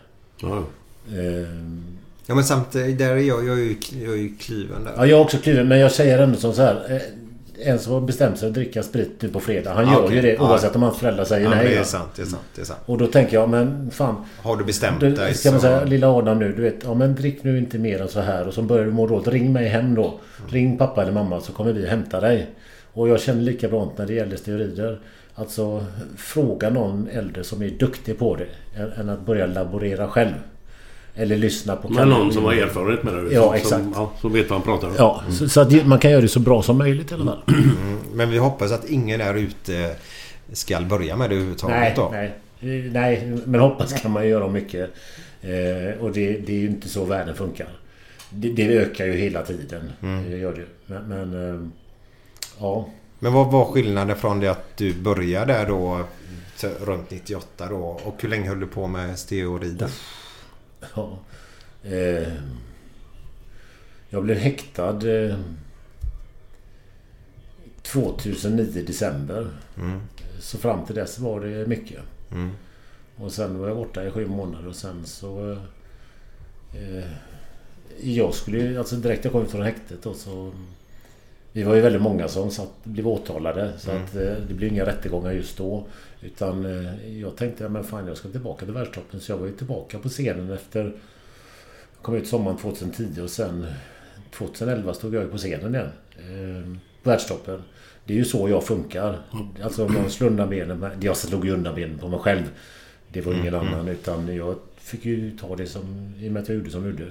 Men, men jag satte mål bara, ja, okej nu kör vi och så kör vi på igen. Så att sen började jag ju som vanligt att leva. Du, du är en sån som ser framåt hela tiden. Ja, hela tiden. Det var ju därför jag sitter här idag och kan prata med er. Mm. Hade det kanske varit någon annan människa så hade han sagt kan vi skjuta på det på månader. Ja. Eh, Men, jag känner så här, fan vi kör. Du måste tänka, du måste tänka positivt. Du måste se framåt. Alltså, du måste dra framtiden till nuet. För att känna hur det känns att vara där. Mm. För att kunna starta det. Det är likadant som du som spelar fotboll. Du, du har ju också det tänket, drivet. Eh, annars blir du inte duktig. Det finns, sen finns det ju talanger men de har inte alltid drivet och Nej, de håller inte nej. hela världen. Exakt. Du vet vad jag alla 14, 13, 14, 15 år som var så jävla bra och tänkte det här kommer bli någonting. Jajamän. Sen när de är 17 så lägger de av för de är inte bra längre. Nej, för de orkar inte lägga ner den, eh, den Nej, allt nej. som krävs för att ta ett Och steg. och det är också som så här. Och jag har blivit mycket hårdare. Jag kommer bli mycket hårdare när det gäller allting. För jag, jag jobbar ju, jag coachar ju människor. Eh, jag har coachat mycket tävlande har jag gjort. Men nu coachar jag mer motionärer. Många som vill gå ner i vikt och sådana här saker. Eller kanske bara bygga upp sin massa lite grann. Kille som tjej. Men framförallt få en bättre livsstil. Eh, men det är så många som... Jag, orkar jag, jag har bara ätit det, jag åt det istället och så blir det det och jag har inte gjort min kondition nu och hoppar över det här. Och du vet, lyssna på massa jävla ursäkter. Så att det är inte inte Här är en. Det är jag. Det är inte Det är mig intressant du pratar jobba om. med dem. Utan jag vill jobba med människor som vill göra en förändring. Alltså som är emotionellt kopplade till sitt mål. Ja. Och innan har jag du vet daltat med folk. Du vet, och nu är det bara nu sparka ut dem. För att jag lägger i min själ i det här. Och vill ni ha min hjälp, ja, då får ni fan med jobba liksom. Du vet hälften av alla, de vill inte göra jobbet mer än kanske två månader. Jag menar sen har jag jättemånga som jag har kört med i två, tre år. Som når, når folk, många idag tror att de kan göra ett jätteresultat på tre månader. Alltså på tre år kan du göra ett resultat. På Fem, men jag brukar säga, se det åtminstone på fem år. Inte på tre månader. Ja men det, det, det kommer det där då som jag ser som ett problem i samhället. Om vi tar det här 16 week of hell Ja, eller vad det ja, heter då va? exakt. Alltså det här lägger de ut så får de här kropparna och då tänker folk ja men jag kan väl göra en variant av det där då och så Ja. blir det ingenting. Alltså om man får information innan, ja men det tar tre år att bygga en bra kropp, punkt slut. Och det är långsiktighet och du måste Precis. Ja, men varför går du till gymmet för? Vad vad har du tänkt? Vad är tanken med dagens träning? Tänker jag ju då lite grann. Jo men det, ja exakt. Eh. Jag menar, alla behöver ju inte bli, bli som en jävla jätte. Nej, och det är du ingen som- ha ett, det- du, du kan ju ta din bira på fredag och lördag som jag Ja, gör. Och sen kan du träna fyra om veckan ändå. Exakt. Men då vill du inte bli liksom extrem. Nej, nej. Men du vill bli hälsosam och bra. Och ju kanske bara- inte, man mår bra själv. Kanske inte ha massa fett på kroppen. Så utan- vi blir ju lurade av det här grejerna som sker ute på tyvärr nätet och detta. Och Det är ju det, sociala medier. Eh, Man får tänka på det, de som är vältränade. Alltså de tränar hårt som fan. Eh, Något annat kan de inte göra om man ska se ut så. Eh, Utan, men det går inte på tre eller fyra eller fem månader. På sex månader kan det nå bra men sen slutar de och sen ett halvår ser de ut som vanligt igen. Det gäller ju att fortsätta. det det är som om du skulle sparka boll i sex månader så, nej men nu vilar jag sex månader sen så du IFK, jag tänkte jag skulle börja spela igen bara. Du vet, du hinner ju inte ikapp bollen då.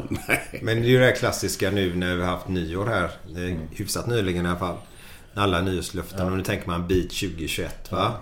Det är därför vet du att sämsta månaden för alla bryggerier är januari, februari. För då slutar alla dricka öl för de ska träna, de ska lägga om det alltihopa. Sen i slutet på februari då tröttnar de och då går de till bolag och köper Gött öl istället. Jajamän. så det är bra. Ja men, ja, men det, det är ju så det är stort överlag. Och Ja. det är ju väldigt synd om man säger. Alltså du kan äta gott. Jag menar vill du äta en tårta på helgen eller något. Ja men gör det. Men minimera. Alltså ha en dag du tar lite gott eller dricker lite eller sådär. Men, men gör det inte varje Nej, dag. nej. Och gör det varje dag. Men då får du motionera och promenera ännu mer. Men det blir så extremt när folk sätter igång. Istället för att tänka långsiktigt. Ja. Precis, precis som nu, vet du, nu när du dig som vi sa där i början. att Ja men stressa inte för mycket Nej, heller då. nej. Utan låt det ta sin Ja, tid också. exakt. Och det är samma med träning. Ja. Låt det ta sin tid. Det, det tar tid. Alltså allting tar tid. Jag, jag brukar säga så när jag pratar med människor att det är så många som överskattar vad de kan göra på ett år. Men de underskattar vad de kan göra på fem år, på tio år och på 15 år. Och du vet när jag säger så, men 15 år? Ja men... För då skulle du bara, ska du bara göra det i sex månader? Vill du inte ha en bra kropp och må bra eh, i 15 år? Och du vet, då börjar de tänka sig, jo du vill ju det. Men, men de vill inte göra jobbet ändå. Nej. Sen är det så här, du behöver inte göra ett jättejobb. Utan du, bara du sköter dig så går det bra. Du behöver inte göra så som jag har gjort. Men det handlar väl om att göra en livsstilsförändring Ja, eller? ja. Det är inte bara att... Om det ska bli extrem förändring ja. Ja. Ja, nej, men även Ja. alltså att, att man lägger in sin, sin Ja, träning ja. i livet. Ja. Inte att man bockar av träningen hela tiden för andra grejer i livet. Nej. Utan man kompletterar den då. Man, man måste ju ha lite passion. Alltså det är så Du här... kan jag ta lite, är det vatten? Ja, det kan, ditt glas står där. Tack. Du fick ett rent glas till med. Du fick ett smutsigt. Ja, det är lugnt. Det är lugnt. Det är så här härliga IKEA-glas. De har vi hemma Du, med. ja, just det. Du såg det. Ja, ja, ja. Eh, nu kommer jag inte ihåg vad jag skulle säga. Jag skulle säga att... Eh, jo, det är så många som du skriver till mig och frågar hur ska jag få motivation? Alltså det är ingen som får... Motivation kan man inte plocka ner från ett träd. Det går inte. Utan du gör saker på rutin. Alltså jag brukar säga här, du borstar alltid tänderna nu innan du går och lägger dig, eller? Ja, det gör jag. Ja. Men då gör du som så att du går till gymmet de här fyra eller fem gånger i veckan. Även om du tycker det är tråkigt. Och så gör du det så kommer du få resultat. När du får resultat så får du motivation. Du blir starkare, piggare, fräschare. Absolut. Ja, jag har tappat motivationen just nu så jag är nere i en liten svacka. Bara, det är bara skitsnack. Det är bara skitsnack. Det är helt okej att ha en svacka. Men gör det ändå. Glenn tror jag du håller med mig här nu i alla fall. Att när man väl går och tränar och gör någonting. Sen vad det är om du går ut och springer eller går Spelar ut och går eller spelar paddel eller du tennis då Glenn. Eh, om man då gör det, då börjar man faktiskt tänka på vad man stoppar i sig också. Så det ena ger ju det andra. Exakt. Och, och det är ju som nu när jag inte tränar. Jag har inte tränat på det nionde veckan jag är inne på nu. Mm. Nu äter jag ändå hyfsat. Men, men förra veckan åt jag sex kladdkakor. Sådana här Frödinge. De är 400 gram. Godare. Ja, jättegott. och det gör jag inte i vanliga fall. Men, men nu måste jag också lägga på mig vikt. eh, eh, Men, men plötsligt blir det väldigt gott då. Mm. Vad väger du nu? Ja, nu är jag väger 109 eller 110. Och, och då ser jag alltså undernärd ut när jag tar av mig. Ja, det är så. Ja, det är så. Eh, Det, det kan man inte tro med. Men titta på den. Man måste se Ja, ser det. det är Ja, skinnet ja. hänger. Mm. Så, så de har väl minskat... eh, Ja, det, du tappar ju 35 kilo sa du ungefär va? Drog Ja, ner. 34 kilo. Och det är 34 kilo muskler. Ja, det är ju det. Och så gått upp 10 sen dess eller vad sa du? Ja. Eh, Men det är väl egentligen bara Alltså att man fyller ut kroppen igen. Eh, Och det var mest muskler du tappade då eller? Ja, det är ju det som är för att... Eh, Jag ser ju inte. Jag ska bara ösa. Förlåt. Så. Eh, det är så många som frågar hur kan man trätta, tappa 34 kilo på, på bara sex veckor? Och tro mig, jag har frågat mig själv, jag har frågat läkare, sjuksköterskor och allting. Det är jättemånga gånger. Men så går jag tillbaka och tänker så här. Muskeln består ju till 70% av vatten. Mm. Eh, Fett består ju av fett. Fett består inte av vatten. För det har funnits de som varit nedsövda och varit, har varit feta. De går också ner men de kanske går ner 10 kilo. Men det är ju inte fettet de tappar utan de tappar ju musklerna. Så de har ju Mm. fortfarande fettet kvar i regel. Om du inte ligger ännu längre. Så att muskler, det är att gå till någon som har brutit benet och så gipsar de det. Och sen när de tar av gipset så är, Mm. bryter de vänsterbenet och sen tar de av gipset på vänsterbenet så är det hälften så stort som Exakt. högerbenet. Mm. Och så var det med hela min kropp. Alltså hela min kropp Mm. bara drog ihop sig. Eh, Men jag har fortfarande svårt att förstå att jag kunde gå ner så mycket. Men hade jag, hade jag inte tränat och bara ätit och rört mig som vanligt så hade jag ju, ja, kanske tappat någonting men, men inte mycket. Utan det är just att man... Hela nervsystemet, allting lägger ju av. Och det blir ingen stimulans i kroppen och det är det som gör att man tappar så mycket. Och det är nu också därför jag gått upp 10 kilo på två veckor. För att jag äter dels mat och jag rör mig och går ut och promenerar lite grann och aktiverar mig. Eh, Så att... eh, och börjar jag träna igen så klart att då lägger jag ju på mig vikt igen. Ja, men, jag får kommer- göra, men jag får göra det försiktigt. Har du satt något... Eh, någon, någon... Sista veckan i februari. mål, Sista, veckan i februari. Kan du bara... Men, men, men jag tror till och med att jag tror att jag faktiskt kan vara nästa vecka. Ehm, Ingen stress som vi sa. Ingen nej, stress. Men, men det inte- handlar inte om stress utan det handlar om att jag har fått så jävla... Alltså mina skador som jag har. Framförallt axlar och rygg då. Mm. När jag är stilla som det är nu så blir det ännu värre. Mm. Och det är det också som alla som sitter på kontor och klagar på att de har ont i ryggen, det ena och det andra. Det är ju för att de inte motionerar. Man kan sitta på en, arbeta åtta timmar på ett skrivbord om du motionerar. Mm. Och jag som har hållit på hela tiden, jag behöver röra mig. Alltså rör jag mig jag blir ju jättestel. Jag- Jag får på mig en tröja men jag får inte på mig jackan än. För att, och, då, och det är inte att den är för liten utan det är att jag kan inte få in armarna. Ingen rörlighet. Nej. Nej, nej. Och det är ju inte, det är inte för inte att en som dragit ett korsband går till, till, till att träna upp musklerna runt knät sen. Det är ju för att inte få mer skador. Exakt. Så muskler skapar ju mindre eh, Ja, skador. Exakt. Så att... Eh, nej men nästa eller nästnästa vecka kommer jag. Men, men det handlar om lätta. Alltså Ja, bara, ja, ja. bara aktivera. Så att... eh, Ja men då kan det nog bli en 5 kilos. Inga 50 kilos. Nej. Men det är bra. Det är Men bra. du, när du var som bäst. När du var på absoluta Ja. toppen. Vad var det för gubbar runt om? Som var i samma klass som dig då? Nu kan ju inte jag alla de här jävlarna men... Eh. Men vad, vad var Kanske någon man känner igen? Alltså mina, de jag tävlat mot som var som bäst det var ju Jay Cutler, Kai Green. Det är då inga du vet vilka det är. Inte de, de, de är världskända och de är entreprenörer och omsätter eh, flera hundra miljoner. För de är så drivna idag och Ja. gör andra saker. Eh, Från Sverige, eller från Norden fanns ju inga eh, alls. Utan det var ju från USA. Eh, Ronny Kohlman vet du säkert Ja, vem det var. känner jag. Men han låg av... Han tävlade sista året 2005 och jag började som professionell. Jag blev proff 2005 och började 2006. Men, men det är nog svårt för er att veta namnen där. Ja, jag hade ingen inte vi, vi snackade lite om det förr. Hade inte vi en gubbe som hette Erling Wahlgren någon gång i Jo, tiden? jo men, det var, men det var innan jag tränade tror jag. Var det 70-tal eller? Ja, det måste ha varit långt tillbaka. Sen hade vi ju hem, vad heter han, eh, upp i, från Kungälv där, vad är han heter? Eino Vakkola eller något? Ja, ja, något finskt namn ja. Ja, Ja, han var också bra där. Ja. Eh, Men, men det är ju långt. Det var ju långt. Jag började ju jävligt sent. Ja. Jag började träna när jag var 26. Det är ju ungefär 10 år senare än vad alla andra gör. Så att jag gjorde ju den här resan eh, väldigt snabbt. Alltså jag var, blev proffs när jag var 34. Eh, från alltså på åtta år eller sju år. Men jag menar, jag, jag bara tränade, tränade, tränade och satte... Alltså jag skulle bli... Ja, men jag skulle bli proffs. Så jag gjorde först två tävlingar. En vann jag, den andra blev jag trea på. Och sen gick jag upp och testade att bli proffs och det gick inte 02. Och sen tänkte jag så här, okej jag kommer aldrig ställa mig på en scen igen. Hur blir man proffs? Du vinner en tävling. Eh, internationell tävling. Eh, där, där man behöver vinna ett proffskort helt enkelt. Ja, Det är inte alla tävlingar som har det, men, men ett par tävlingar. Så 2002 så kände jag så här, okej jag kommer aldrig ställa mig på scenen igen förrän jag vet att jag vinner. Så då, började, då, då tränade jag måndag till fredag två pass om dagen, lördag och söndag ett pass om dagen. Gjorde jag det i tre år. Och så gick jag upp och ställde mig på scenen maj, 1 maj 05 och så vann jag ett proffskort. Men då måste jag bara fråga, hur... Du kan inte ha haft något jobb under den tiden då eller? Eh, jo, jag hade det. Okej. Eh, jag jobbade faktiskt där också. Men jag jobbade mindre och mindre. Och 06 slutade jag arbeta för då, då blev jag heltidsproffs som man säger. Okej. Men, men under min proffssatsning där så jobbade jag fortfarande. Mm. Om det var fem eller sex dagar i veckan. Vad, men vad jobbade du då? Nej, vi drev möbelbutik. Ja, okej. Så att, eh, Men du, får man det som proffs, får man typ månadslön eller får man liksom eh, för att du vinner en tävling så får du en jävla massa pengar? nej eller, eller? det tog... eh, Jag började få min första betalningar där runt... Ja, strax efter jag ett proffskort. Men det var småsummor om man säger. Sen fick vi ju kosttillskott och grejer och så här. Och sen, sen, men sen hade jag... 2007 fick jag en bra sponsor som betalade riktig lön till mig då. Men det, det går inte att jämföra med proffs i fotboll. Nej, eller något sådär, utan, utan det var en månadslön och de betalade resor och grejer. Du överlevde helt enkelt. Jag överlevde, ja. Men då måste jag fråga där.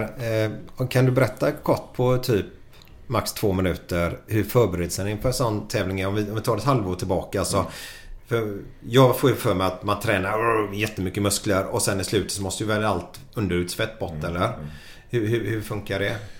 Nu, nu eh, har jag aldrig direkt haft mycket fett på kroppen så att... Eh, eh men säg att jag brukar börja ibland 16 veckor innan eller 12 veckor innan. Strikta till kosten lite grann. Börja röra, köra lite mer cardio, alltså fettförbränningsträning. Eh, och så skar jag mer i maten, skar mer i maten och samtidigt som du då tränar stenhårt så tappar du det lilla fettet du har. Och sen ju närmare tävling du kommer tillsammans med alla preparat som man då byter ut så att som inte Mm. ska binda vätska och grejer. Utan då preparat som gör att hopp, kroppen blir hårdare, mer vaskulär. Eh, så blir det, en hjälp på 12 veckor så blir det alltså en superförvandling. Eh, så det är ju väldigt tuffa veckor. Det är ju väldigt tuffa veckor och slutet är ju ännu tuffare om man säger. Va? Och det, det är ju väldigt... Det är ju inte många människor som, som vill göra det där för att det är jobbigt. Och jag vet ju själv hur dåligt jag har mått. Och, men har du pannben och vill någonting så, så gör man det. Men du, du skär ner maten successivt. Du ökar konditionsträningen successivt. Och så ser du i spegeln hur du ser ut. Och så justerar du efter det helt enkelt. Har man någon coach under tiden eller hur funkar det? Eh, i, I regel ja. Eh, jag, jo, men jag har alltid jobbat med coach. Däremot har jag alltid gjort på mitt sätt ändå. Och det är ju så jag har lärt mig. De gånger det har gått fel så har jag lärt mig det att okej, eh, det var en läxa. Nu gör vi inte så nästa gång. Eh, Så jag har ofta gått efter mig själv. Men det är också därför när jag coachar, då säger jag ju hur de ska göra klienterna. Eh, Då behöver de inte tänka utan de behöver bara göra det som jag säger. Och de som gör som jag säger kommer ifrån. De som inte gör som jag säger kommer inte ifrån. Men det är bra att ha en coach för att det är svårt att tänka. och det är ju som i fotboll. Du måste ha någon som leder dig om man säger. Va? Eh, Och har kunskap helt enkelt. Och gärna om personen har gjort det själv. Så, så han vet vad han pratar om. Hur, eh, den där härliga solbrännan som ni har när ni står på scen där. Ja, hur, hur, hur uppkommer den? Alltså det kan vara kritvit egentligen. Eh, och, och det är bara det är sprayfärg man har. Det är spray. Okej, tack. Däremot eh, solar man, och många solar lite grann. Ehm, För att det blir en lite djupare bränna. Ja, okej. Men du behöver inte sola jättemycket. Men är det för att musklerna ska komma fram bättre då? det blir en, vad- om du ser på alla som är svarta Ja. så syns det ju mycket, muskulaturen mycket bättre på dem. Mm. Är man kritvit så ser du inte alls lika mycket. Utan det är, ju, det är ju den bruna färgen som gör det. Eh, Men även de som är mörka, svarta, har också ofta ett litet, litet lager. Och sen lägger man på en glans då så att det, det skiner om dem. Om man. Mm. Så, så färgen är jätteviktig. Eh, På Olympia är väl enda gången som färgen failade totalt för mig. Den Jaha. största tävlingen jag någonsin. Kan du berätta om den härliga tävlingen? För du är en bland få svenskar som har tävlat där va? Ja, alltså vi har ju några 212-killar. Den Vad, där- vad heter tävlingen först? Mr Olympia. Vad, om man, för våra lyssnare som är då fotbollsnördar då, många av dem. Vad, om man jämför det, vad... vad Eh, eh, Arnold Schwarzenegger vann Mr Olympia sex gånger. Det, det är den högsta nivån över hela världen som du kan ta dig till. så det är ett VM kan vi kalla det då? Eh, nej, Nej. VM går inte att jämföra för där är du amatör. Det, du är inte Ja, VM i fotboll alltså. Det är största. Ja, jo men det kan man Så. säga kanske. Det kan man väl säga. Fast för att jag menar ett proffslag i fotboll är ju bättre än ett VM-lag. Ja, det är sant. Så att... eh, Så, så det, ta det bästa proffslaget då. Ja. Eh, kan man väl jämföra med. Den ligan är det om man säger. Eh, och man kvalificerar sig då för att komma dit om man säger. Var det då du vann den tävlingen då, eller nej? Eh, nej, jag vann en kom bli trea en tävling i Rumänien 2008. Och då var det topp tre på den tävlingen som då kvalificerade sig till Olympia. Okej. Vilket år var du med? Eh, 2009. Okej. Eh, och jag var egentligen väldigt, väldigt bra. Men... men ehm, Men vilken månad gick det då? Kommer du ihåg det? Vilken månad? 2009? eh, september tror jag det var. Okej. Och då 2009 de plockade dig också? Ja, ja, det var september, oktober. Hände mycket 2009 Två, då? cirka två månader efter, två Ja. månader efter några dagar så, så kom... eh, Jag låg och tittade på TV här i ja, mitt sovrum. eh, Och så knackade det på dörren och så... mm, Jag hörde vad jävla liv ute så... Ja, det är polisen, så är det bara. Polisen, tänkte jag. Vadå polisen? Tänkte jag bara, vad fan. Så, men jag hade hört om morgonen hade de gripit väldigt många människor. Eh, Men de hade inte gripit mig. De hade ingen med men så blev jag utpekad och så kom de hit och jag fick öppna dörren. eh. Men jag tänkte innan jag öppnade dörren så tänkte jag fan jag måste ju gömma min dator för där är ju all information då. Spola ner. så, de stod ju, så de stod ju och bankade på dörren och jag ska bara hämta nycklarna spelar jag då. Så jag tog datorn och la den under tvättkorgen. De hittade aldrig den datorn. Det tycker jag är lite roligt. Gjorde de inte det? Jag tycker det är lite roligt. Och jag sa, jag jag gjorde ju bort mig där på förhören. Ja, ja, men ni har ju mina två datorer. Och de direkt bara... Ja, vi har en dator. Och så de pressade den. Men, men, skitsamma. Jag åkte ju. Ja. Det var inga kvinnliga poliser där då eller? Eh, nej, det var nog bara... Alltså det var De har inte sett en tvättkorg innan de manliga Nej, poliserna. nej, nej, nej, det var poliser överallt. Och sen när jag kom ut var det polisbilar, det var polisbuss och det var... Oj. Ja, det var nog 15 stycken här. Ja, ja, det var så, För en person? Ja, det var så galet va. Eh, Det var faktiskt en av dem som... Ja, inte, jag vet inte om det var just där, men, men det var en, en kriminalvårdare som skrev till mig nu i veckan. Eh, som skrev att hon hade kört mig. Det var nog under min fängelsetid här, 14-15. Att eh, jag hade varit... De hade kört mig. Eller om det var 2010 då de körde upp mig till Sundsvall. Jag, jag vet inte, förstod inte det men... Eh, de, de skulle då ha det här handfängslet då men de fick inte på mig det så de fick ta en sån här fotfängsel och sätta på händerna. Alltså var hans Det var för fängsel för... stort. Det var armarna var för stora. Ja, de fick inte på dem då. Det blev så här. Eh, men, men, men hon ville tacka för att jag visade så fin respekt och var så trevlig. Och de hade suttit efter och sagt så här, men alltså det här måste vara den trevligaste personen vi någonsin haft med. Och då, då kommer ju de här förutfattade meningarna igen då. va. Jag menar, jag är ganska snäll så. Det var ju bara det att vi, vi gjorde något som inte var lagligt. Men vilka armar du måste ha haft då. Ja, det är annat än idag. Vi ska, vi ska lägga De ut är stora bilder som de är. Ja. Men vi, tar vi kan komma tillbaka dit sen. Ja. Och så tar vi lite eh, Mr Olympia. Just det. Heter det va? Just det. 2009 då. Fan, det är 12 år sedan nu snart. Ja. Ja. Tiden går. Ja, det gör det. Ja, nej men det var eh, som vanligt sex- 12, jag tror att det är 16 veckors diet. Eh, Sen åker man, jag åkte över ungefär en vecka innan. Checkade in 10 dagar innan tror jag vi åkte över den här gången. Hyrde ett boende eh, strax bredvid det hotellet där vi fick bo då. De betalar ju boende och flygbiljett till den här tävlingen. Men vi ville vara lite tidigare i och med att det är över Atlanten och grejer. Så där bodde jag och Var sa du att den var någonstans? den går i Las Vegas. Las Vegas. Ja. Eh, 2020 gick den inte. Den gick 2020 men den gick inte i Las Vegas utan den gick i, i, i Florida faktiskt någonstans. Eh, Har han alltid gått till Las Vegas innan? Ja, eller? ja, det har gått på lite olika ställen. Eh, Men de sista 20 åren har det varit i Las Vegas. Eh, Men du, är, är det... Ursäkta jag säger det, men är, är det... Det är ju naturligtvis grym träning som ligger bakom det. Men Ja. är, det, är det lite show samtidigt? Eh, Eller efter alltså- Las Vegas, tänker Las Vegas. Är det show och... Eller Ja men det... de, de gör ju lite sådana här presskonferenser och lite grejer Ja. också. Och Ja. lite roliga grejer. Men, men det är ju blodigt allvar. Ja, alltså. ja. Det är fullt, eh, fullt ös där. Så att... eh, En presskonferens var du inne på. Vad- Gjorde inte du något galet då? då? Jo, nej, jag ju inte galen men de... de eh, en, en som... En, en amerikan, Dave Palumbo heter han. Han, han var ju så... eh, En kille jag jobbade med lite grann under 2008. Jag gjorde faktiskt en intervju med honom förra veckan som gick ut på RX Muscle eh, över hela världen. Okej. Ehm, han eh, ropade fram och, och så att jag tog av mig lite grann på kläderna och du vet alla de här eh, bra gubbarna. De, bara... Alltså de tittade verkligen och sa vad fan är det här? Du vet, det var liksom en chock för ingen som hade sett något sånt. Ehm, Stort då eller? Ja, jag var rätt stort och jag var i bra form också. Ehm, och det var ju häftigt. Sen, sen gjorde vi lite, lite miss med... Man använder ju ofta vätskedrivande. Man använder i regel nästan alltid lite vätskedrivande för att driva den här sista vätskan som ligger mellan muskel och hud. Och vi gjorde lite fel där och vi failade med färgen. Ehm, eh, min coach som, som är en av mina bästa vänner. eh, är världens bästa coach. Eh, Men hans sån där maskin man sprutar med. Hade, det funkade inte uttaget i USA. Eller det hade inte att vi inte hade adapter. Utan det, det gick inte överföring eller någonting. Så vi gjorde det för hand.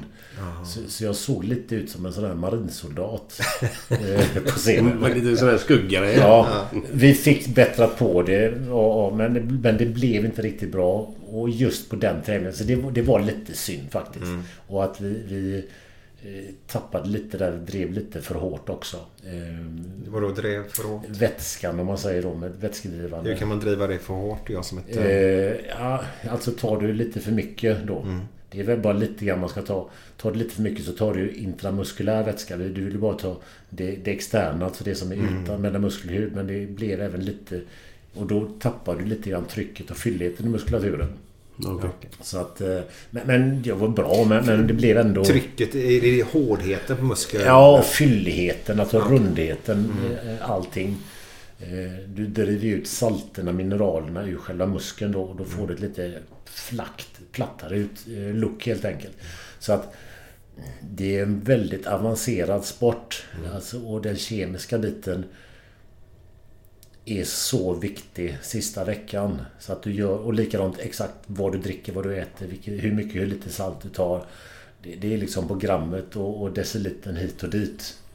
Så, så det är mycket man ska tänka på och, och ibland så gör man inte perfekt. Och alla proffsen har gjort likadant eh, någon tävling. Sen är det väl någon som alltid prickar. Men han gör samma hela tiden. Men sen kan det vara så att han har haft infektion i kroppen. Kanske varit lite förkyld och då svarar inte han. Så att det, det, det är liksom... Man får titta timma efter timma hur man ser ut. Och justera därefter. De sista två dagarna egentligen. Men du, när man, när man slutar Mm. som topp, som ni då, och lägger av. För det gör man ju någon gång. Nu är ju du extremt fall här för att du har Ja. råkat ut för den skiten som Ja, du har gjort. ja. Men normalt, om man säger så, om du drar det tillbaka. Musklerna, blir de, blir de, försvinner de bara eller blir det fett? Eller, eller Det, det, är en väldigt rolig fråga.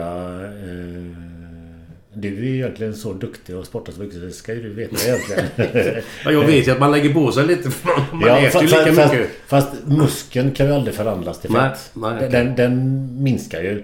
Men sen så äter man ju kanske lite onyttigt och motionerar inte. Ja, men då får du fett. Men, eh, men det är jättemånga som tror det att ja, med muskeln när du slutar kommer det bara bli fett. Alltså en muskel kan aldrig bli fett. En muskel är en muskel. Mm. Och fett är fett.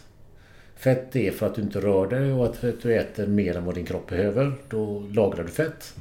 Eh, motionerar du och äter det din kropp behöver så bygger du muskler. Så att eh, man tappar muskelmassa. Det är som jag tappade. Jag hade, lägger jag av och tränar och äter, min, äh, äter lika mycket så kommer jag också bli tjock. Ja, ja. Så att man, då får jag väl minska mitt intag eh, mycket mer då helt enkelt. Plus att man, som du nu då, har ju förlorat dessa kilorna i muskler då. Så Ja. att du hade slutat Ja. och så det blivit naturligt då. Ja. Så blir du lite hängigare om man så säger. ja, ja, det blir ju också. Ja, Och och det- då det uppfattar väl folk det lite mer som... Det ser som- jag ju nu. Jag menar, min dotter tog bilder på mig dagen efter eh, jag kom hem från sjukhuset. Bara för jag Mm. vill ha kvar dem. För att kunna motivera folk framöver. Men jag är inte redo att lägga upp dem eller visa dem nu. Nej. För där ser det ut... Var det så jävligt? Jag kan säga så här. Om man tittar på de bilderna. Så ser det ut som jag aldrig har varit på ett gym. Oj. Och och det, det är liksom, jag har det och tittat någon gång på det och det, det är helt oförståeligt. Alltså ryggen är helt platt, armarna är bara smala. Eh, axlarna är borta, brösten är... Alltså det, det är verkligen jättekonstigt att se. Men då måste du berätta. På så förhållandevis kort tid På så kort tid, ja. Om våra följare vill ju naturligtvis följa dig också Mm. då. Vad, vad, på Instagram, vad heter du där? IFBB Martin. Vad sa du? IFBB Martin. Ja. Eller sök mitt namn Martin Källström. Ja, Eh, så jag- hittar de dig där. Så kan de följa det så kanske de Ja. ser det om ett Ja, halvår eller ett ja. år eller något. Kanske. Jag, jag gör mycket... Alltså jag, inte, jag gör inte så mycket träning på Instagram. Eh, Jag kommer göra mer. Men jag gör mycket alltså egentligen för att hjälpa människor att tänka positivt. Och hur, att man ska be tacksamhetsbön när man går och lägger sig. Men jag försöker göra bra saker och få en good feeling. Det är det jag gör. Och jag gör det enbart för att jag är så trött på sociala medier och på allt fake som är där. Och på alla som ska jämföra sig med andra. Alltså man ska inte jämföra sig med andra för alla har sin egen tidsklocka. Mm. Jag menar, man får barn vid en viss tidpunkt. Det finns ingen... Alltså vissa får det när de är 16, vissa får det när de är 40. Vissa gifter sig när de är 17, vissa gifter sig när de är 60. Mm. Likadant vissa blir miljonärer när de är 25 och vissa blir miljonärer när de är 65. Alltså all, alla har sin egen klocka. Så att sluta jämföra er med andra. Eh, Det viktigaste är att du fokuserar på dig själv och försöker bli den bästa versionen av dig själv. Men den pressen som blir idag när man tittar på sociala medier. Jag tycker så här, Om man följer någon och det, det ger dig en obehaglig känsla. Så avfölj den personen. Alltså alla du följer ska ge dig något bra. Antingen motivera dig, peppa dig eller att du vill göra någonting eller lära dig någonting. Eller bli bättre. Men om det, du känner avundsjuka, svartsjuka eller någonting. Eller att du bara får dåligt ja, men ta bort den personen. För det handlar ju om dig själv. Det är svårt idag. Det är många som mår, mår väldigt dåligt Ja, det är många som dör. På grund av Ja, dessa ja. sociala medier då. Eh, och så många som det är som vi tror det och så dubblar du det ett par Mm. gånger. Så, par så, är- gånger, så är ja. vi väl uppe i det verkliga antalet då. Men det är väl, du ser ju bara det bra hela tiden. Ja, och, ja, ja. Jo men det är ingen som postar sina failures. Nej. Det är därför som jag postar att jag knappt kan gå, gå på... Alltså jag går där med munskydd och... Ja, 35 kilo lättare och knappt kan, kan gå framåt och gå med rollator. Jag postar det för att eh, visa att det är inte farligt att posta sånt heller. Nej. Men, tror- men samtidigt så började du ju med... med Kommer när han kom in i era möbelbutik? Ja just det. Så ville du, såg du ju upp till honom. Jajamän. Och då började du ju köra... Mm. Så det, det, det är inte så himla svårt att man Nej. Gör grejer som man kanske inte ska göra Nej, för det, att... det, det kan också vara så. Så det, fan, det är svårt Ja, det är alltså. svårt hur man än vänder och vrider. Mm. Det, Men du, om, om, säg om, om allting går normalt. Mm. Ditt läkare om man säger så. Om det går Ja, men det, det ska det göra. Ja, ja. Men, inte- att, förhoppningsvis gör du det. Ja. Kommer du att bygga upp det igen då? Eh, Alltså, jag... Du får inte väga så mycket som jag gjorde innan. Nej. Men, men om jag börjar träna nu så väger jag säkert 120 om eh, fem veckor eller någonting. Det, det går nog inte att undvika tror jag. Men, men jag har redan bestämt mig att från sex pass i veckan så är det fyra pass i veckan som gäller. Det är måndag, tisdag, torsdag och lördag som jag tränar. Resterande dagar är vilodagar. För att jag inte ska gå runt och vara sliten och trött. Eh, Jag kommer träna väldigt lätt och jag kommer, för jag älskar att träna. Men jag kommer ha ett fokus mer på mitt företagande och de nya sakerna, projekten som jag har. Och även att livet får mer, mer värde. Att jag gör... Det är som någon frågar vad tycker du är kul att göra? Så jag har fortfarande svårt att säga vad tycker är kul att göra.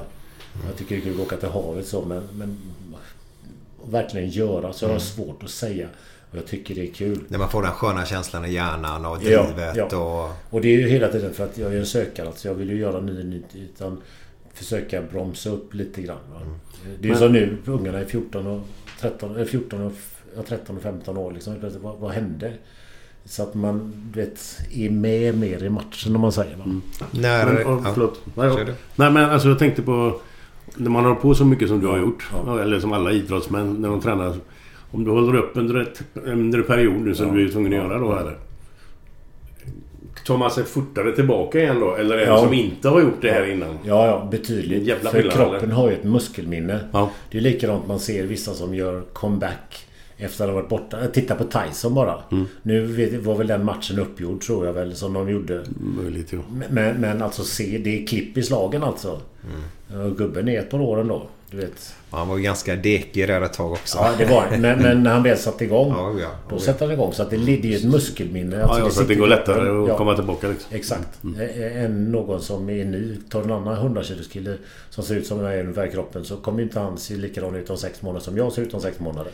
Jag har ju hört att... eh, För där jag växte upp i Frölunda så var det många som körde också anabola Mm. och de körde sprutor i skinkan och blev väldigt aggressiva Mm. och en del åkte i fängelse på grund av våldsbrott och lite grejer då. Men en del av dem kan säga att, att om ska de gå till gymmet idag så kan de fortfarande känna en liten pump av, av det de då visar. Så, alltså, säger de själva då?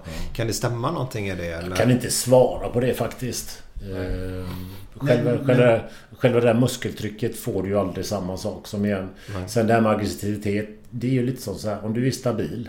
Så är du stabil. Mm. Är du ostabil. Så, så blir ju du med, med ett manligt hormon, stridshormon som testosteron är. Då blir du.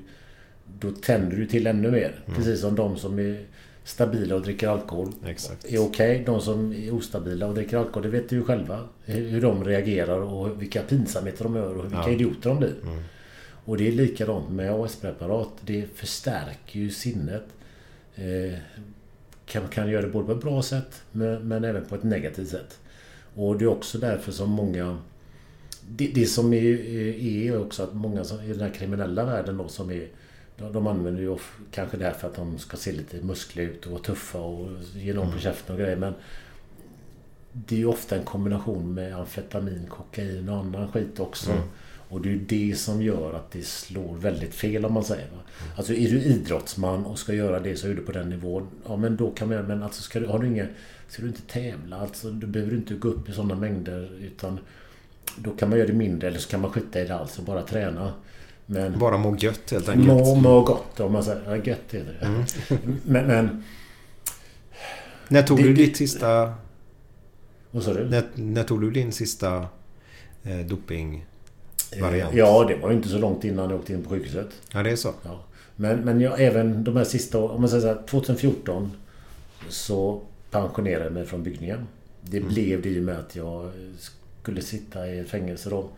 Eh, och då blev det, jag gjorde ingen comeback. Jag hade tänkt göra det men jag kände att det var för motigt att göra det. Och plus att eh, man börjar bli äldre. Mm. Eh, sen efteråt har jag i och med att produktionen försvinner ju. Eh, idag får man ju läkare då ersatt. Eh, så att man får en normal nivå. Men jag gillade ju att träna, jag gillade ju muskler. Så då började jag igen. Men, eh, men med, med kanske en tredjedel, fjärdedel så hög dosering som det var under tävlingarna. Mm. Men, men jag svarar ju bra på det också. Och eh, nu, nu vill ju läkarna inte att man använder någonting. Och just nu, jag får gå på läkarnas ordination. Och så får jag få det utskrivet så att jag kan, kan ha det där då i och med att själva produktionen är... Är det manligt könshormon då? Ja, exakt. Ja. Eh, Men då får man ju gå till doktorn en gång i månaden. Mm. Så att då får vi göra det då. Men jag har inte känt den här dippen som jag kände när jag blev häktad, som jag kände när jag, när jag åkte i fängelse. Den dippen har jag inte känt nu. Men det var också för att man är mycket starkare mentalt och, och, och varit med om mer saker som är idag. Eh, Vad var det för dipp du kände då? Ja, Kan, kan, kan, vi, kan, ska vi gå in på det? kan vi göra. Eh, De stod här och knackade på i lägenhet som du sa då. Eh, Du säger till dem att jag måste bara hämta nycklarna. Mm. Springer in, tar datorn, lägger den i tvättkorgen. Ja. Med lite skitiga kalsonger. Och så öppnar du. Ja. Och så häktar de dig där då. Ja, häkten, de grep mig då. Använde- Varför? Eh, ja, de sa att åklagaren ville prata med mig. Jag tänkte bara, åklagaren? Du vet bara. Men, men det var väl deras sätt. Jag, jag är storväxt. Mm. Och de ville nog ha det... Att jag skulle, så att jag bemötte dem lugnt. Men jag menar, jag är alltid lugn så liksom. Det var Mm. likadant när vi, när vi kom till eh, Aminogatan ute i Mölndal där så sa han Fan vad trevlig du är liksom. Så tänkte jag, men vadå skulle jag inte vara trevlig för? Att, Bara för att du är stor Ja, ja. Okej. Så, så det, den där, det där finns ju Mm. fortfarande då. Så att, eh, och så blir det häktesförhandling dag. Man får ju sitta anhållen, vad är det, tre- 72 timmar tror jag. Mm. Så blev det ha- häktningsförhandling och så var det pang och så var det häktet i Göteborg då. Och så sen upp till... eh, Fan satt jag någonstans? I Härnösand satt jag i häktet i sex, sex och en halv månad. Oj, jaha, under de utredde själva... Ja. Och vad var det de Mm. utredde för något? Dopingbrott.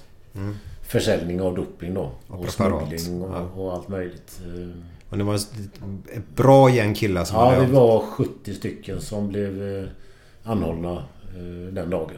70 stycken, det är ju enormt många. Ja, det var, det var väl då Sveriges största Mm. eh, rättegång tror jag.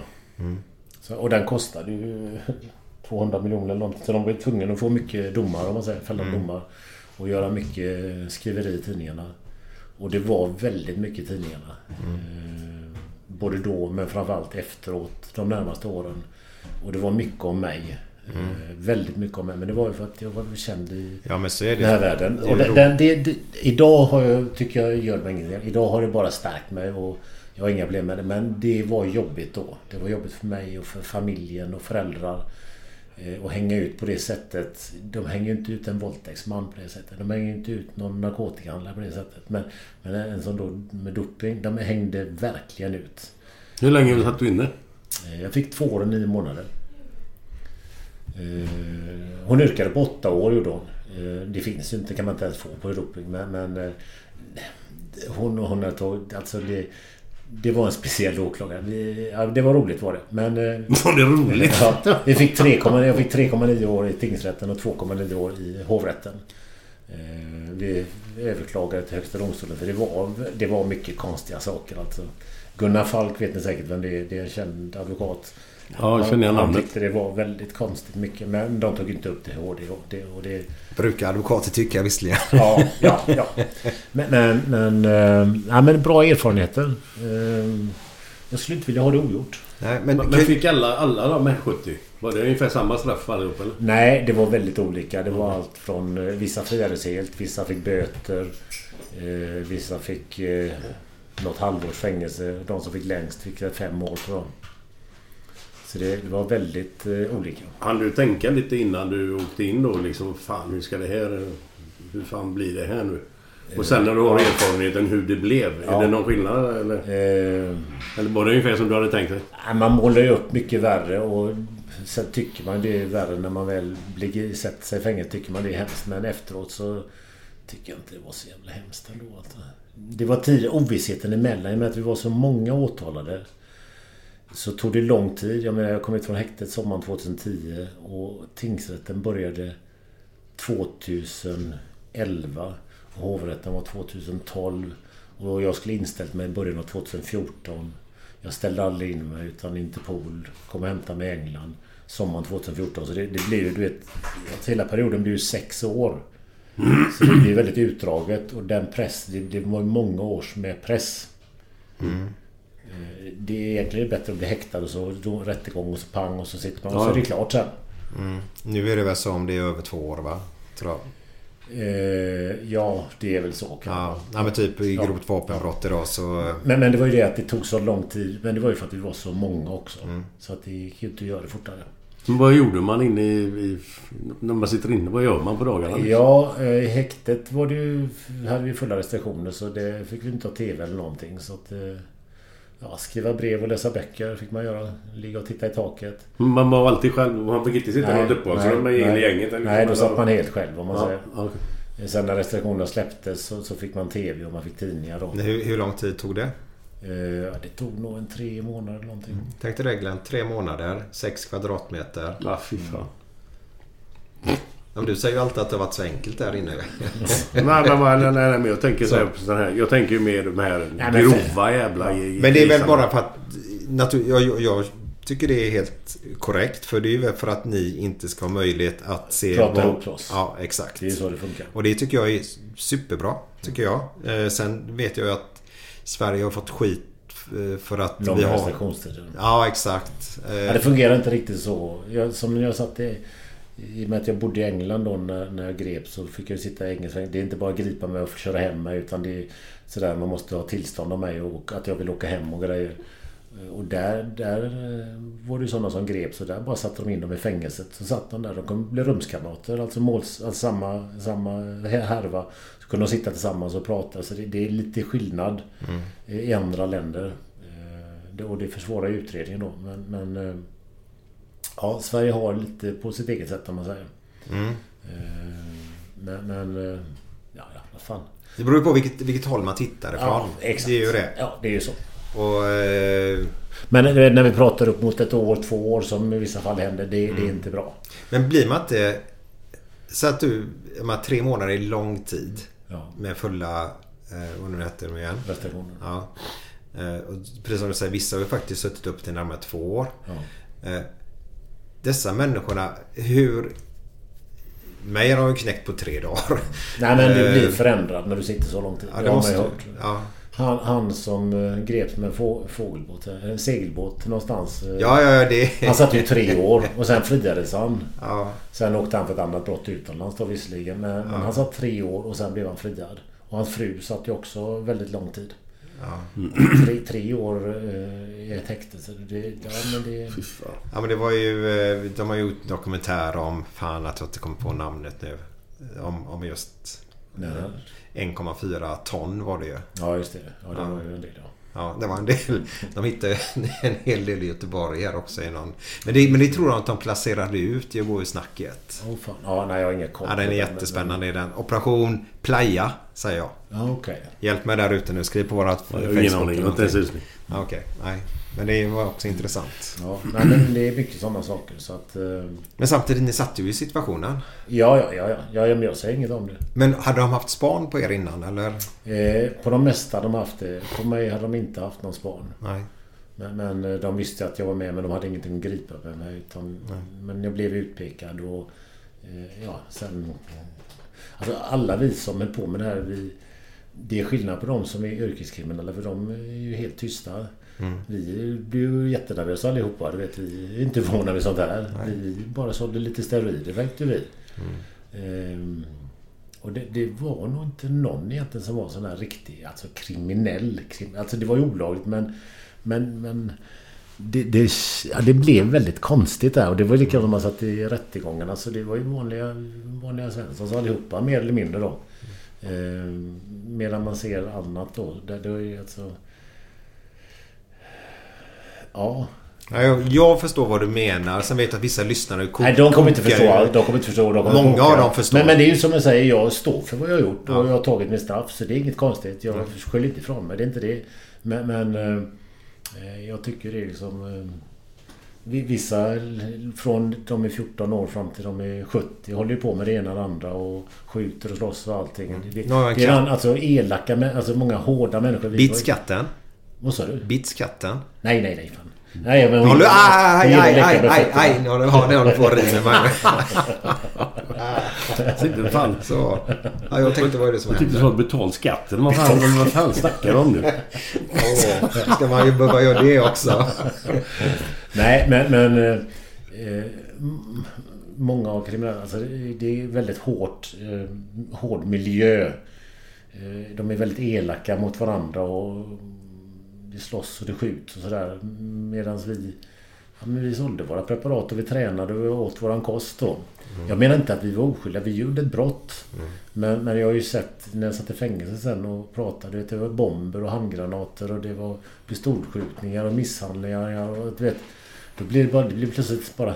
Fan, sitter jag i fängelse med dem? Det blir, det blir väldigt konstigt. Ja. Och sen så sitter de människor som sitter i fängelse genom att eh, det har blivit en lite gruff på stan och så har någon putt till någon och ramlat slagit i huvudet. Och, alltså, och kanske dött eller någonting. Och åker på vållande till annans död. Då åker man inte för mord men vållande till annans död. Så, så det är ju väldigt lätt. Alltså det, det är ju lätt att få ett straff. Ehm, Även om inte man är liksom kriminell. Det, går, det, det är väldigt lätt hänt. Alltså det, kan, det kan ske... Det sker lättare än man tror. Sen får man ju inte glömma att de flesta som begår brott, de sitter ju inte i fängelse. Nej. Utan de är ju ute på våra gator om man säger. Så, så det var ju bra att jag fick mitt straff för att eh, det, det har jag också gjort med det där när jag är Jag idag. tänkte säga, förändrar det ju något? Ja, men det, men det gjorde det. Det gjorde det absolut. Eh, jag kände att jag, jag gör ju inte det här en gång till och utan ungarna. Det, det gör jag ju inte. Absolut inte.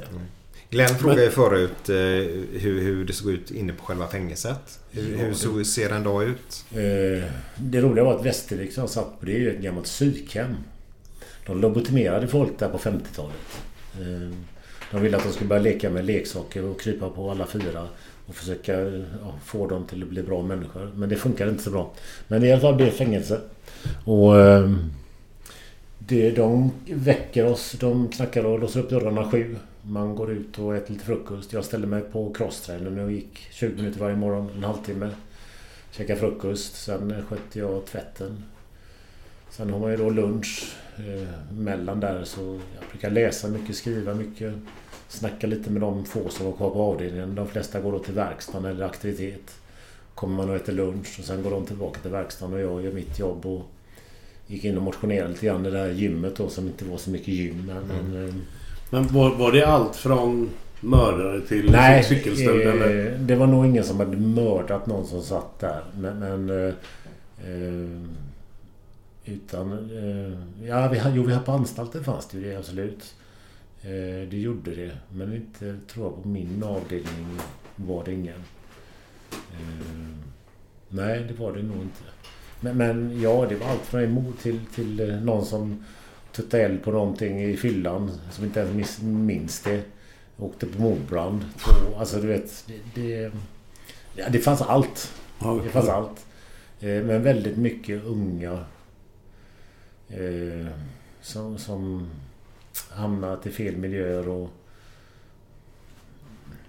Vad fick du? Ganska- Blir du liksom provocerad? någon Nej, tvärtom. Alltså, Tvärt- tvärtom. Jag kan tänka mig liksom en kommer en Ja, med- nej, det var, massa tvärt, med- det var Ja, tvärtom. och de, de såg upp till det. Ja, ja. De såg upp till det. Så att... Eh, eh, det var inga problem faktiskt. Nej. Det likadant när jag var i England där så var det bara... Jag fick mer smörgåsar och fick extra mat så att... Eh, det, det var faktiskt eh, tvärtom. Men de flesta frågar samma sak som du gör. Ja, det- man har ju alltid sett... Ja, Mm. Det är också en sån här förutfattad grej kanske men...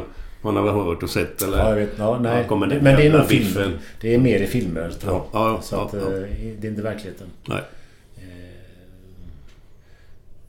Sen, sen gör man lite olika. Man äter middag runt femtiden tror jag. Och sen så är det ju fritt då. Fram till de låser in oss kvart i sju på kvällen. Och man sitter en i varje cell. Eh, där. Läste mycket böcker. Skrev på min bok. Eh, såg mycket serier. På TV. Ja, det är så man gör det är nu. lite det man gör. Men det var rätt skönt när man blev ringd och så på kvällen också. För då, då liksom kunde man varva ner och hade sitt eget. För det, det var ett jävla stim. Det, var, det är ju mycket unga killar som är där inne. Och det, det är rätt stimmigt och stojigt. Många trasiga människor också. Ja, det är klart det. Klart det. Så att... Eh, eh, nej, men det har varit var allt möjligt faktiskt. Så att, eh, men det har bra varit det för att eh, jag förstår människor. Innan var det ju så att de sitter i fängelse liksom. Det är dåliga människor. Men så, så är det inte riktigt utan... Eh, jag menar, kör du tillräckligt många gånger. Om du inte har körkort och kör bil flera gånger så... Eh, efter ett antal gånger så får du en, en dom. Även om det kanske bara är en eller två månader. Men du får fängelse. Så att... Eh, det fanns allt sånt där också till grovt bokföringsbrott. Vilket gav betydligt mycket längre fängelse än om du sköt någon i benet. Vilket jag har svårt att förstå. Ja, det begriper inte jag alls. Nej. Så, så, eh, Fattar ingenting. nej, utan men... men eh, Ingenting. Ja, men vad fan om du har lurat någon på pengar. Det är Ja, skit ja. naturligtvis. Men har du skjutit någon? Ja. Eller för fan värre eller? Ja men idag är det, är det jag tror det är ändrat till med lagarna. Ja, det kan man hoppas. Ja. Så, Eh, Och sen fanns det ju då de våld i nära relation eller våldtäkt då. Men de sitter för sig själva. Samlade. De kan inte vara med, med andra interner för de, ja, de råkar illa ut. Ja, mm. De är hatade på fängelset. Och- var, var, var, ni- var ni tvungna att berätta vad ni hade gjort när ni kom in där? Och så, Ja, eller? så de skulle liksom var de skulle placera oss då. Ja men även när ni kom in till själva den anstalten där de andra Nej, intagna. men nej, ja. Eh, eh, De flesta berättar, men berättar ju vad om det är. Nej, tvungen behöver man inte vara, men alla berättar ju vad de sitter för. Sen är det säkert många som utlämnar en del saker. Mm. Men var det någon som var nyfiken på någonting, ja men då, då ringde de på utsidan och så fick de ta reda på det. Mm. Så att, eh, ja, det är en speciell jargong. Så, så det, det är inte värt att göra brott att man sitter i fängelse. Ursäkta om om jag missat det, men varför satt du i England? Jag bodde satt- i England då. Ja, du bodde där ett tag. Och, eh, Ja, okej. Eh, Jag blev efterlyst av Interpol. eh, Och jag skulle tävla på någon Classic i Brasilien. Så att eh, jag ville inte åka hem då än. Utan jag åkte till Brasilien och då då kom det på Efterlyst och det kom på TV att jag hade flytt till Brasilien då. Men det hade jag inte gjort. Jag var ju där i 14 dagar. Sen åkte jag tillbaka till England. Då trodde vi att nu tar de en flygplatsen. Men det gjorde de inte. Utan det tog ytterligare en tre veckor. Så det var därför som jag greps där. Mm, Och jag tänkte att jag betalar inte min flygbiljett hem utan då får de väl hämta mig istället. Så de, de kom och hämtade mig. Ja, det var så. De, de knackade på dörren. Så att, eh, ja. Mm. Hur gick det med datorn du gömde då? Eh, Den, ja, den slängde jag väl när vi flyttade in men den fann- fanns kvar ganska länge. Ja. Jag kom inte, jag kunde inte logga in själv på den ändå. Det, det är en gammal Mac-dator. Ja. Men den fanns rätt länge. Men det var någon som tog hand om den vet jag. Mm. Men, som sagt allting kom ju ändå fram så det spelade ingen roll. Nej. Tyvärr. Men det, det var lite roligt tyckte jag. Eh, när, när jag fattade att de inte hade tagit den då, då njöt jag sådär du vet. Ja. Vad härligt. Vad, det- du sa aldrig hur det gick i den tävlingen där 2009. Eh, jag kom, vi var väl sju, åtta stycken som kom, som kom utanför själva placeringen då. Det var placerat fram till 12 då. Ja, okej. Sen var det oplacerat. Mm. Så att, eh, men, alltså, alla är bra där. Mm. Alla är bra. Då, är, det, är, det, är det större... Förlåt. Ja. Är det större... Typ tennis, det är tre stycken som är i världen som vinner Ja. allt liksom. Ja. Där är det jävla skillnad. Eh, ja, fast det är ändå just på själva Olympia. Det, det är ofta de som vinner och vinner ofta ett par år i rad alltså. De håller sig från två till tre till fyra och även vissa sju och någon åtta år i rad. då. Ronny Kohlman vann åtta år i rad. Filip har vunnit sju år i rad. Så att, eh, de, de håller ofta platser ett tag. Men, men det går ju inte för det kommer ju nya om man blir sliten och eh, det blir skador och sådana här grejer. Så att eh, de klarar det inte hur länge som helst.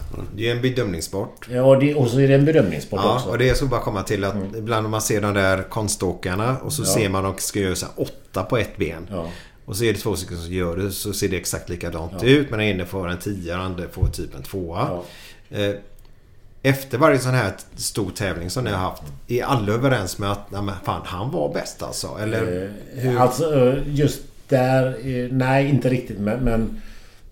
Ofta på Olympia så vet man väl... Ettan, tvåan brukar vara lite osäkert. Mm. Och, och det blir ofta att han som var etta året innan blir etta igen. Det har hänt några gånger. Mm. Som kanske inte varit rättvist. Sen är det som så att när de bedömer så, så tittar de inte på det som är bra utan de tittar ju på svagheterna. Jaha. Det är ju det man letar efter för att kunna skilja Vad är, vad är en svaghet då? Ja, en, Solbrännan? Solbränna. Nej men alltså...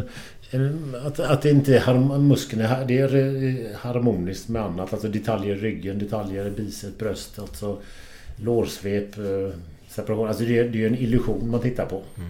Men bedömningen, jag menar, det är ju ett åtta eller tio domare och de- de dömer inte helt eh, rätt lika heller. Utan, och det är därför det är flera olika domare så att det ska bli en så rättvis bedömning som möjligt. Snackar man sinsemellan varje gubbe där liksom? Ja, det- hur, hur tränar du? Eller hur, vad äter Det, det du? pratar eller? man inte om utan det, det, det är mest eh, skämt och snack. Och, Ja, ja. folk- Glöm inte att svanka. Ja. ja men det, det, där är det, det, det är jävligt komiskt. Om man då jämför tävlingarna i Sverige så är det liksom helt näsan upp i taket och ingen som pratar med någon utan alla... Här i Sverige? bäst- Ja. Jaha. Ja. Så att... eh, Fan, jag trodde det var tvärtom. Ja, ja, nej. Så här är det ankdamm och där Ja, ute ja, är det... ja, ja. Jaha. Gud ja. Fan, ryck upp Ja, där ja, men de gubbarna som, och tjejerna som har kommit ut här i världen. De, du vet, de har fötterna på jorden. Du kommer inte så långt om du inte har fötterna på jorden. Nej, nej. Det, Det är rätt skönt att höra faktiskt. Ja. Att de är så pass normala. Exakt. Mm. Det, det, och som säger de mesta eh, som har varit riktigt duktiga är superentreprenörer idag. Inom olika saker. Så att eh, du, du måste vara en bra människa för att kunna komma så långt. En talang kommer ju bara en bit med, med någon som verkligen vill och är passionerad och, och är emotionellt kopplad till sitt mål. Han, han gör ju allt och han går till slut förbi talangen. Var han... Förresten var han Hulken, Lou Faringo, Ja, var han han var- bodybuilder? Ja, han och Arnold möttes ju flera gånger. Ja, okej. Arnold psykade ju honom alltid. Så att, eh, han var väldigt bra. Arnold? Ja, Eller nej, Hulken? Ja, Hulken var ju väldigt Ja. bra också. Ja, ja, Eller Luferino rättare Ja, Lou Faringo ja. Ja, jag är så dålig på namn där men jäkla ska härliga minnen man har från 80-talet. Ja, jag vet. Med den serien där. Ja. Jag minns det. När han blev arg. Ja. Ja, det, det var häftigt det där alltså. Ja, det var grymt var det. Just när han var grönklädd också då. Eller grönklädd. Han blev grön. Ja, han blev grön. Han tog, han tog, det var någon strålning eller någonting han gjorde där. Ja, exakt. Han kunde inte Så- rädda sin fru där så. blev det galet. Och sen ögonen alltid innan han förvandlades så då. Satt man där. "Åh, Nu blir han Hulken. Ja, det är liksom barn på nytt. Ja, ja, ja. Ja, ja, men det är starka minnen. Alltså här, jag älskar ju minnen. Jag gör det. Och så det är därför du alltid hade Eh, som du pratade i början med podden att eh, vintrarna var alltid snöiga och sommaren Ja, var alltid ja, solig. ja, ja. För man förskönar ju alltid. Ja, och så glömmer man det dåliga. Ja. Och så går man vidare framåt i livet Ja, det är precis som du har gjort. Det är så man, man måste göra. Mm. Och jag menar, då, då kan jag säga här, jag har haft många jobbiga minnen. Kan jag säga. Mm. Men, men det, jag, kan- alltså lägga fokus på dem så blir det ju jävligt jobbigt. Skitjobbigt att leva då. Så att jag får ju lägga fokus på det som var, varit bra Yes, och det som yes. jag ska göra. Och då blir det mycket lättare. Och det är det jag vill få människor till att göra. Att fokusera på det du inte kan påverka. Mm. Skit i det. De saker du kan påverka, gör dem. Låter som Glenn Hysén. Ja, ja, det, jag, jag håller med dig fullständigt. Alltså. Jag gör faktiskt det. Det blir, det blir jättejobbigt annars. Ältande människor är ju jobbigt. Ja, och de är jävligt jobbiga att vara med. Ja, ja. Det orkar ju inte det i längden. Nej, nej. Bara prata om sitt och sina Ja, problem. ja, det är- Och har du haft någon, eh, frånsett det sista här nu, men någon allvarlig skada någon gång? Har du Eh, brutit något eller gjort sönder någon muskel nej, eller? Nej. Nej. Jag har väl dels haft tur och sen har jag aldrig max... Jag, någon, nej, jag har aldrig maxat i bänkpress, knäböj och sådär som de flesta gör. Jag har aldrig brytt mig om att göra det. Eh, för jag har känt att, att jag var väldigt stark ändå. Och jag kände att eh, det inte, jag har inget intresse av det utan jag vill skulpturera kroppen. Mm. Så det blev tunga vikter men ändå ganska många rep som man säger. Men hur många typer... Vad, vad, vad, vad tränar man på säger vi? I bänkpress när du var som störst och bäst? Och... Ja, men runt, runt 180 kilo. 180? Ja. Herrejävlar. Du, det var 10 eller 12 rep. Jag, jag skulle inte kunna röra hälften. En tredjedel kanske. Jag vet inte. Herrejävlar. Ja. Och ja, det är enorma Ja, det är vikter. sjukt. Är det. Sjukt. Och det jag tycker är häftigt då det är att man gör det x antal gånger. Ja, ja, För det- de där som bara ha rekord, ja, de gjorde en. Ja, men... Men se Eddie Hall. Han drog ju 500 kilo i marklyft. Vem? Eddie Hall, strongman. Okej. Ett halvt ton i marklyft. Alltså det, du vet.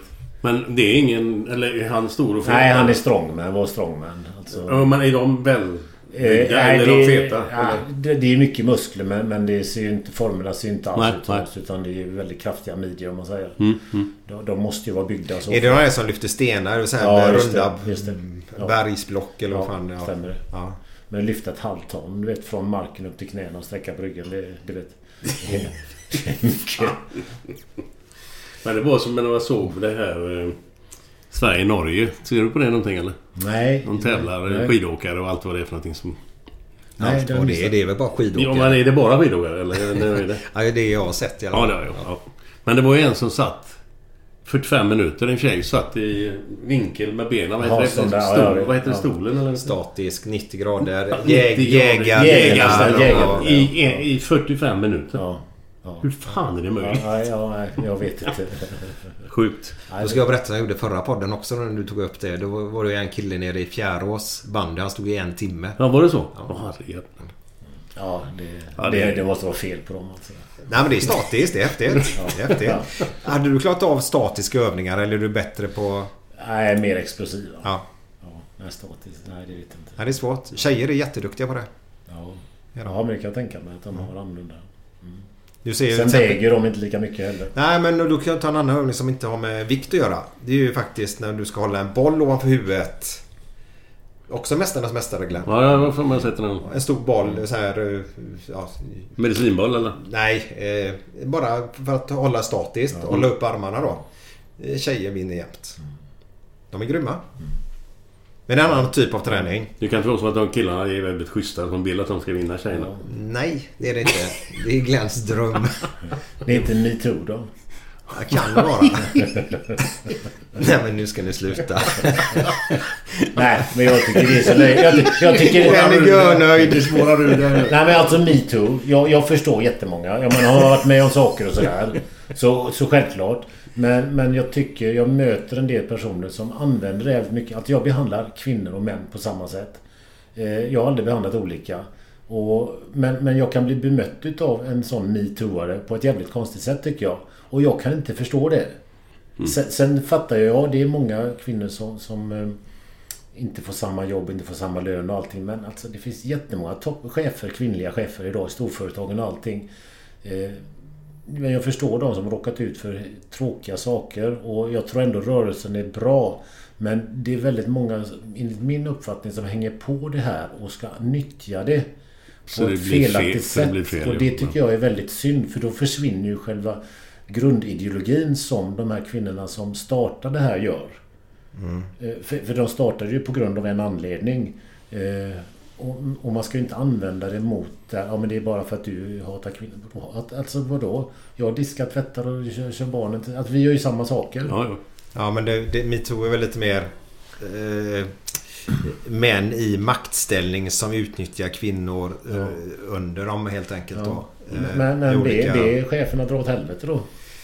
Ja men de har gjort det och då har de inte kommit någonstans Nej, utan nej, de har själva fått... Ja. Nej men det kan stämma. Men, men använd det det. där då, inte utanför tänker jag då. Ja men så är det, så är det. Det, där. In, inte, inte i vanlig mataffär liksom. eh. det finns så här manshatande kvinnor. De Ja, har ja, det är väl det kanske jag mer tänker Ja, jag tror det. Jag det, tror är nog, det. det. Det är nog inte ni. Metoo är en bra rörelse, ja, tycker utan jag. det är nog mer manshatare. Och det förstår Ja. jag inte för...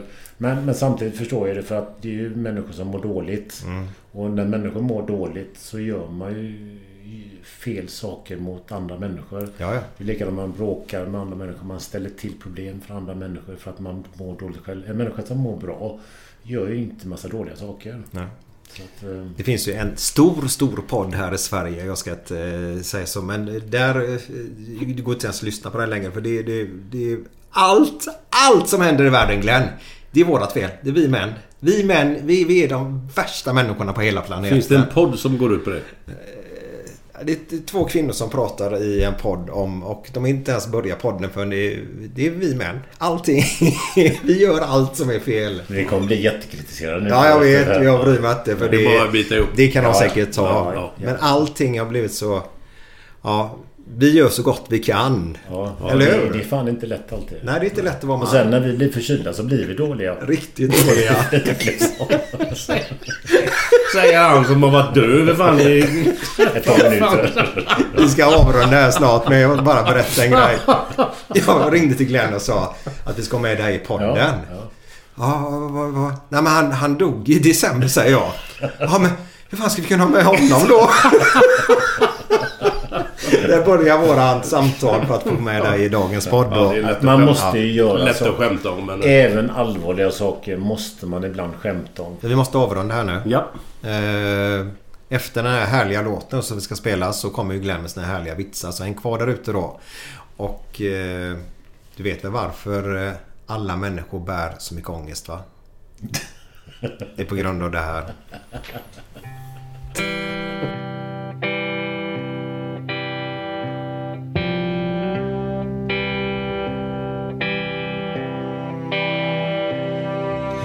Fem på morgonen i New York City går en man i en sliten gammal hatt. Sveper rocken kring den tunna kroppen, huttrar till. Det har varit kallt i natt. Ser en strumpa sticker ut ifrån hans sko.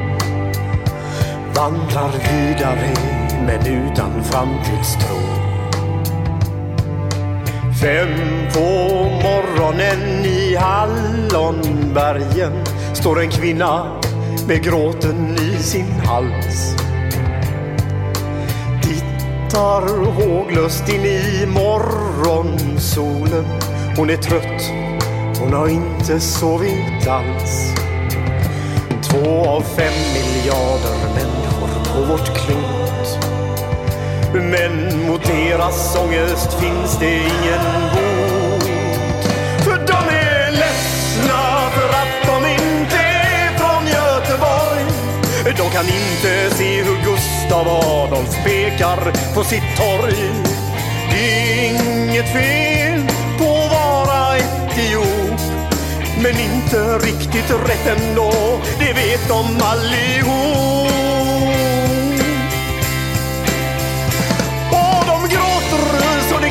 Gubbar när de får en mindre syn av hur vi som är från Götet tar en öl på Avenyn.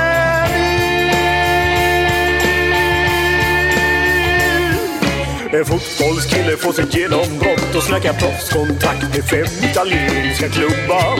Ändå känner han att tåget har gått.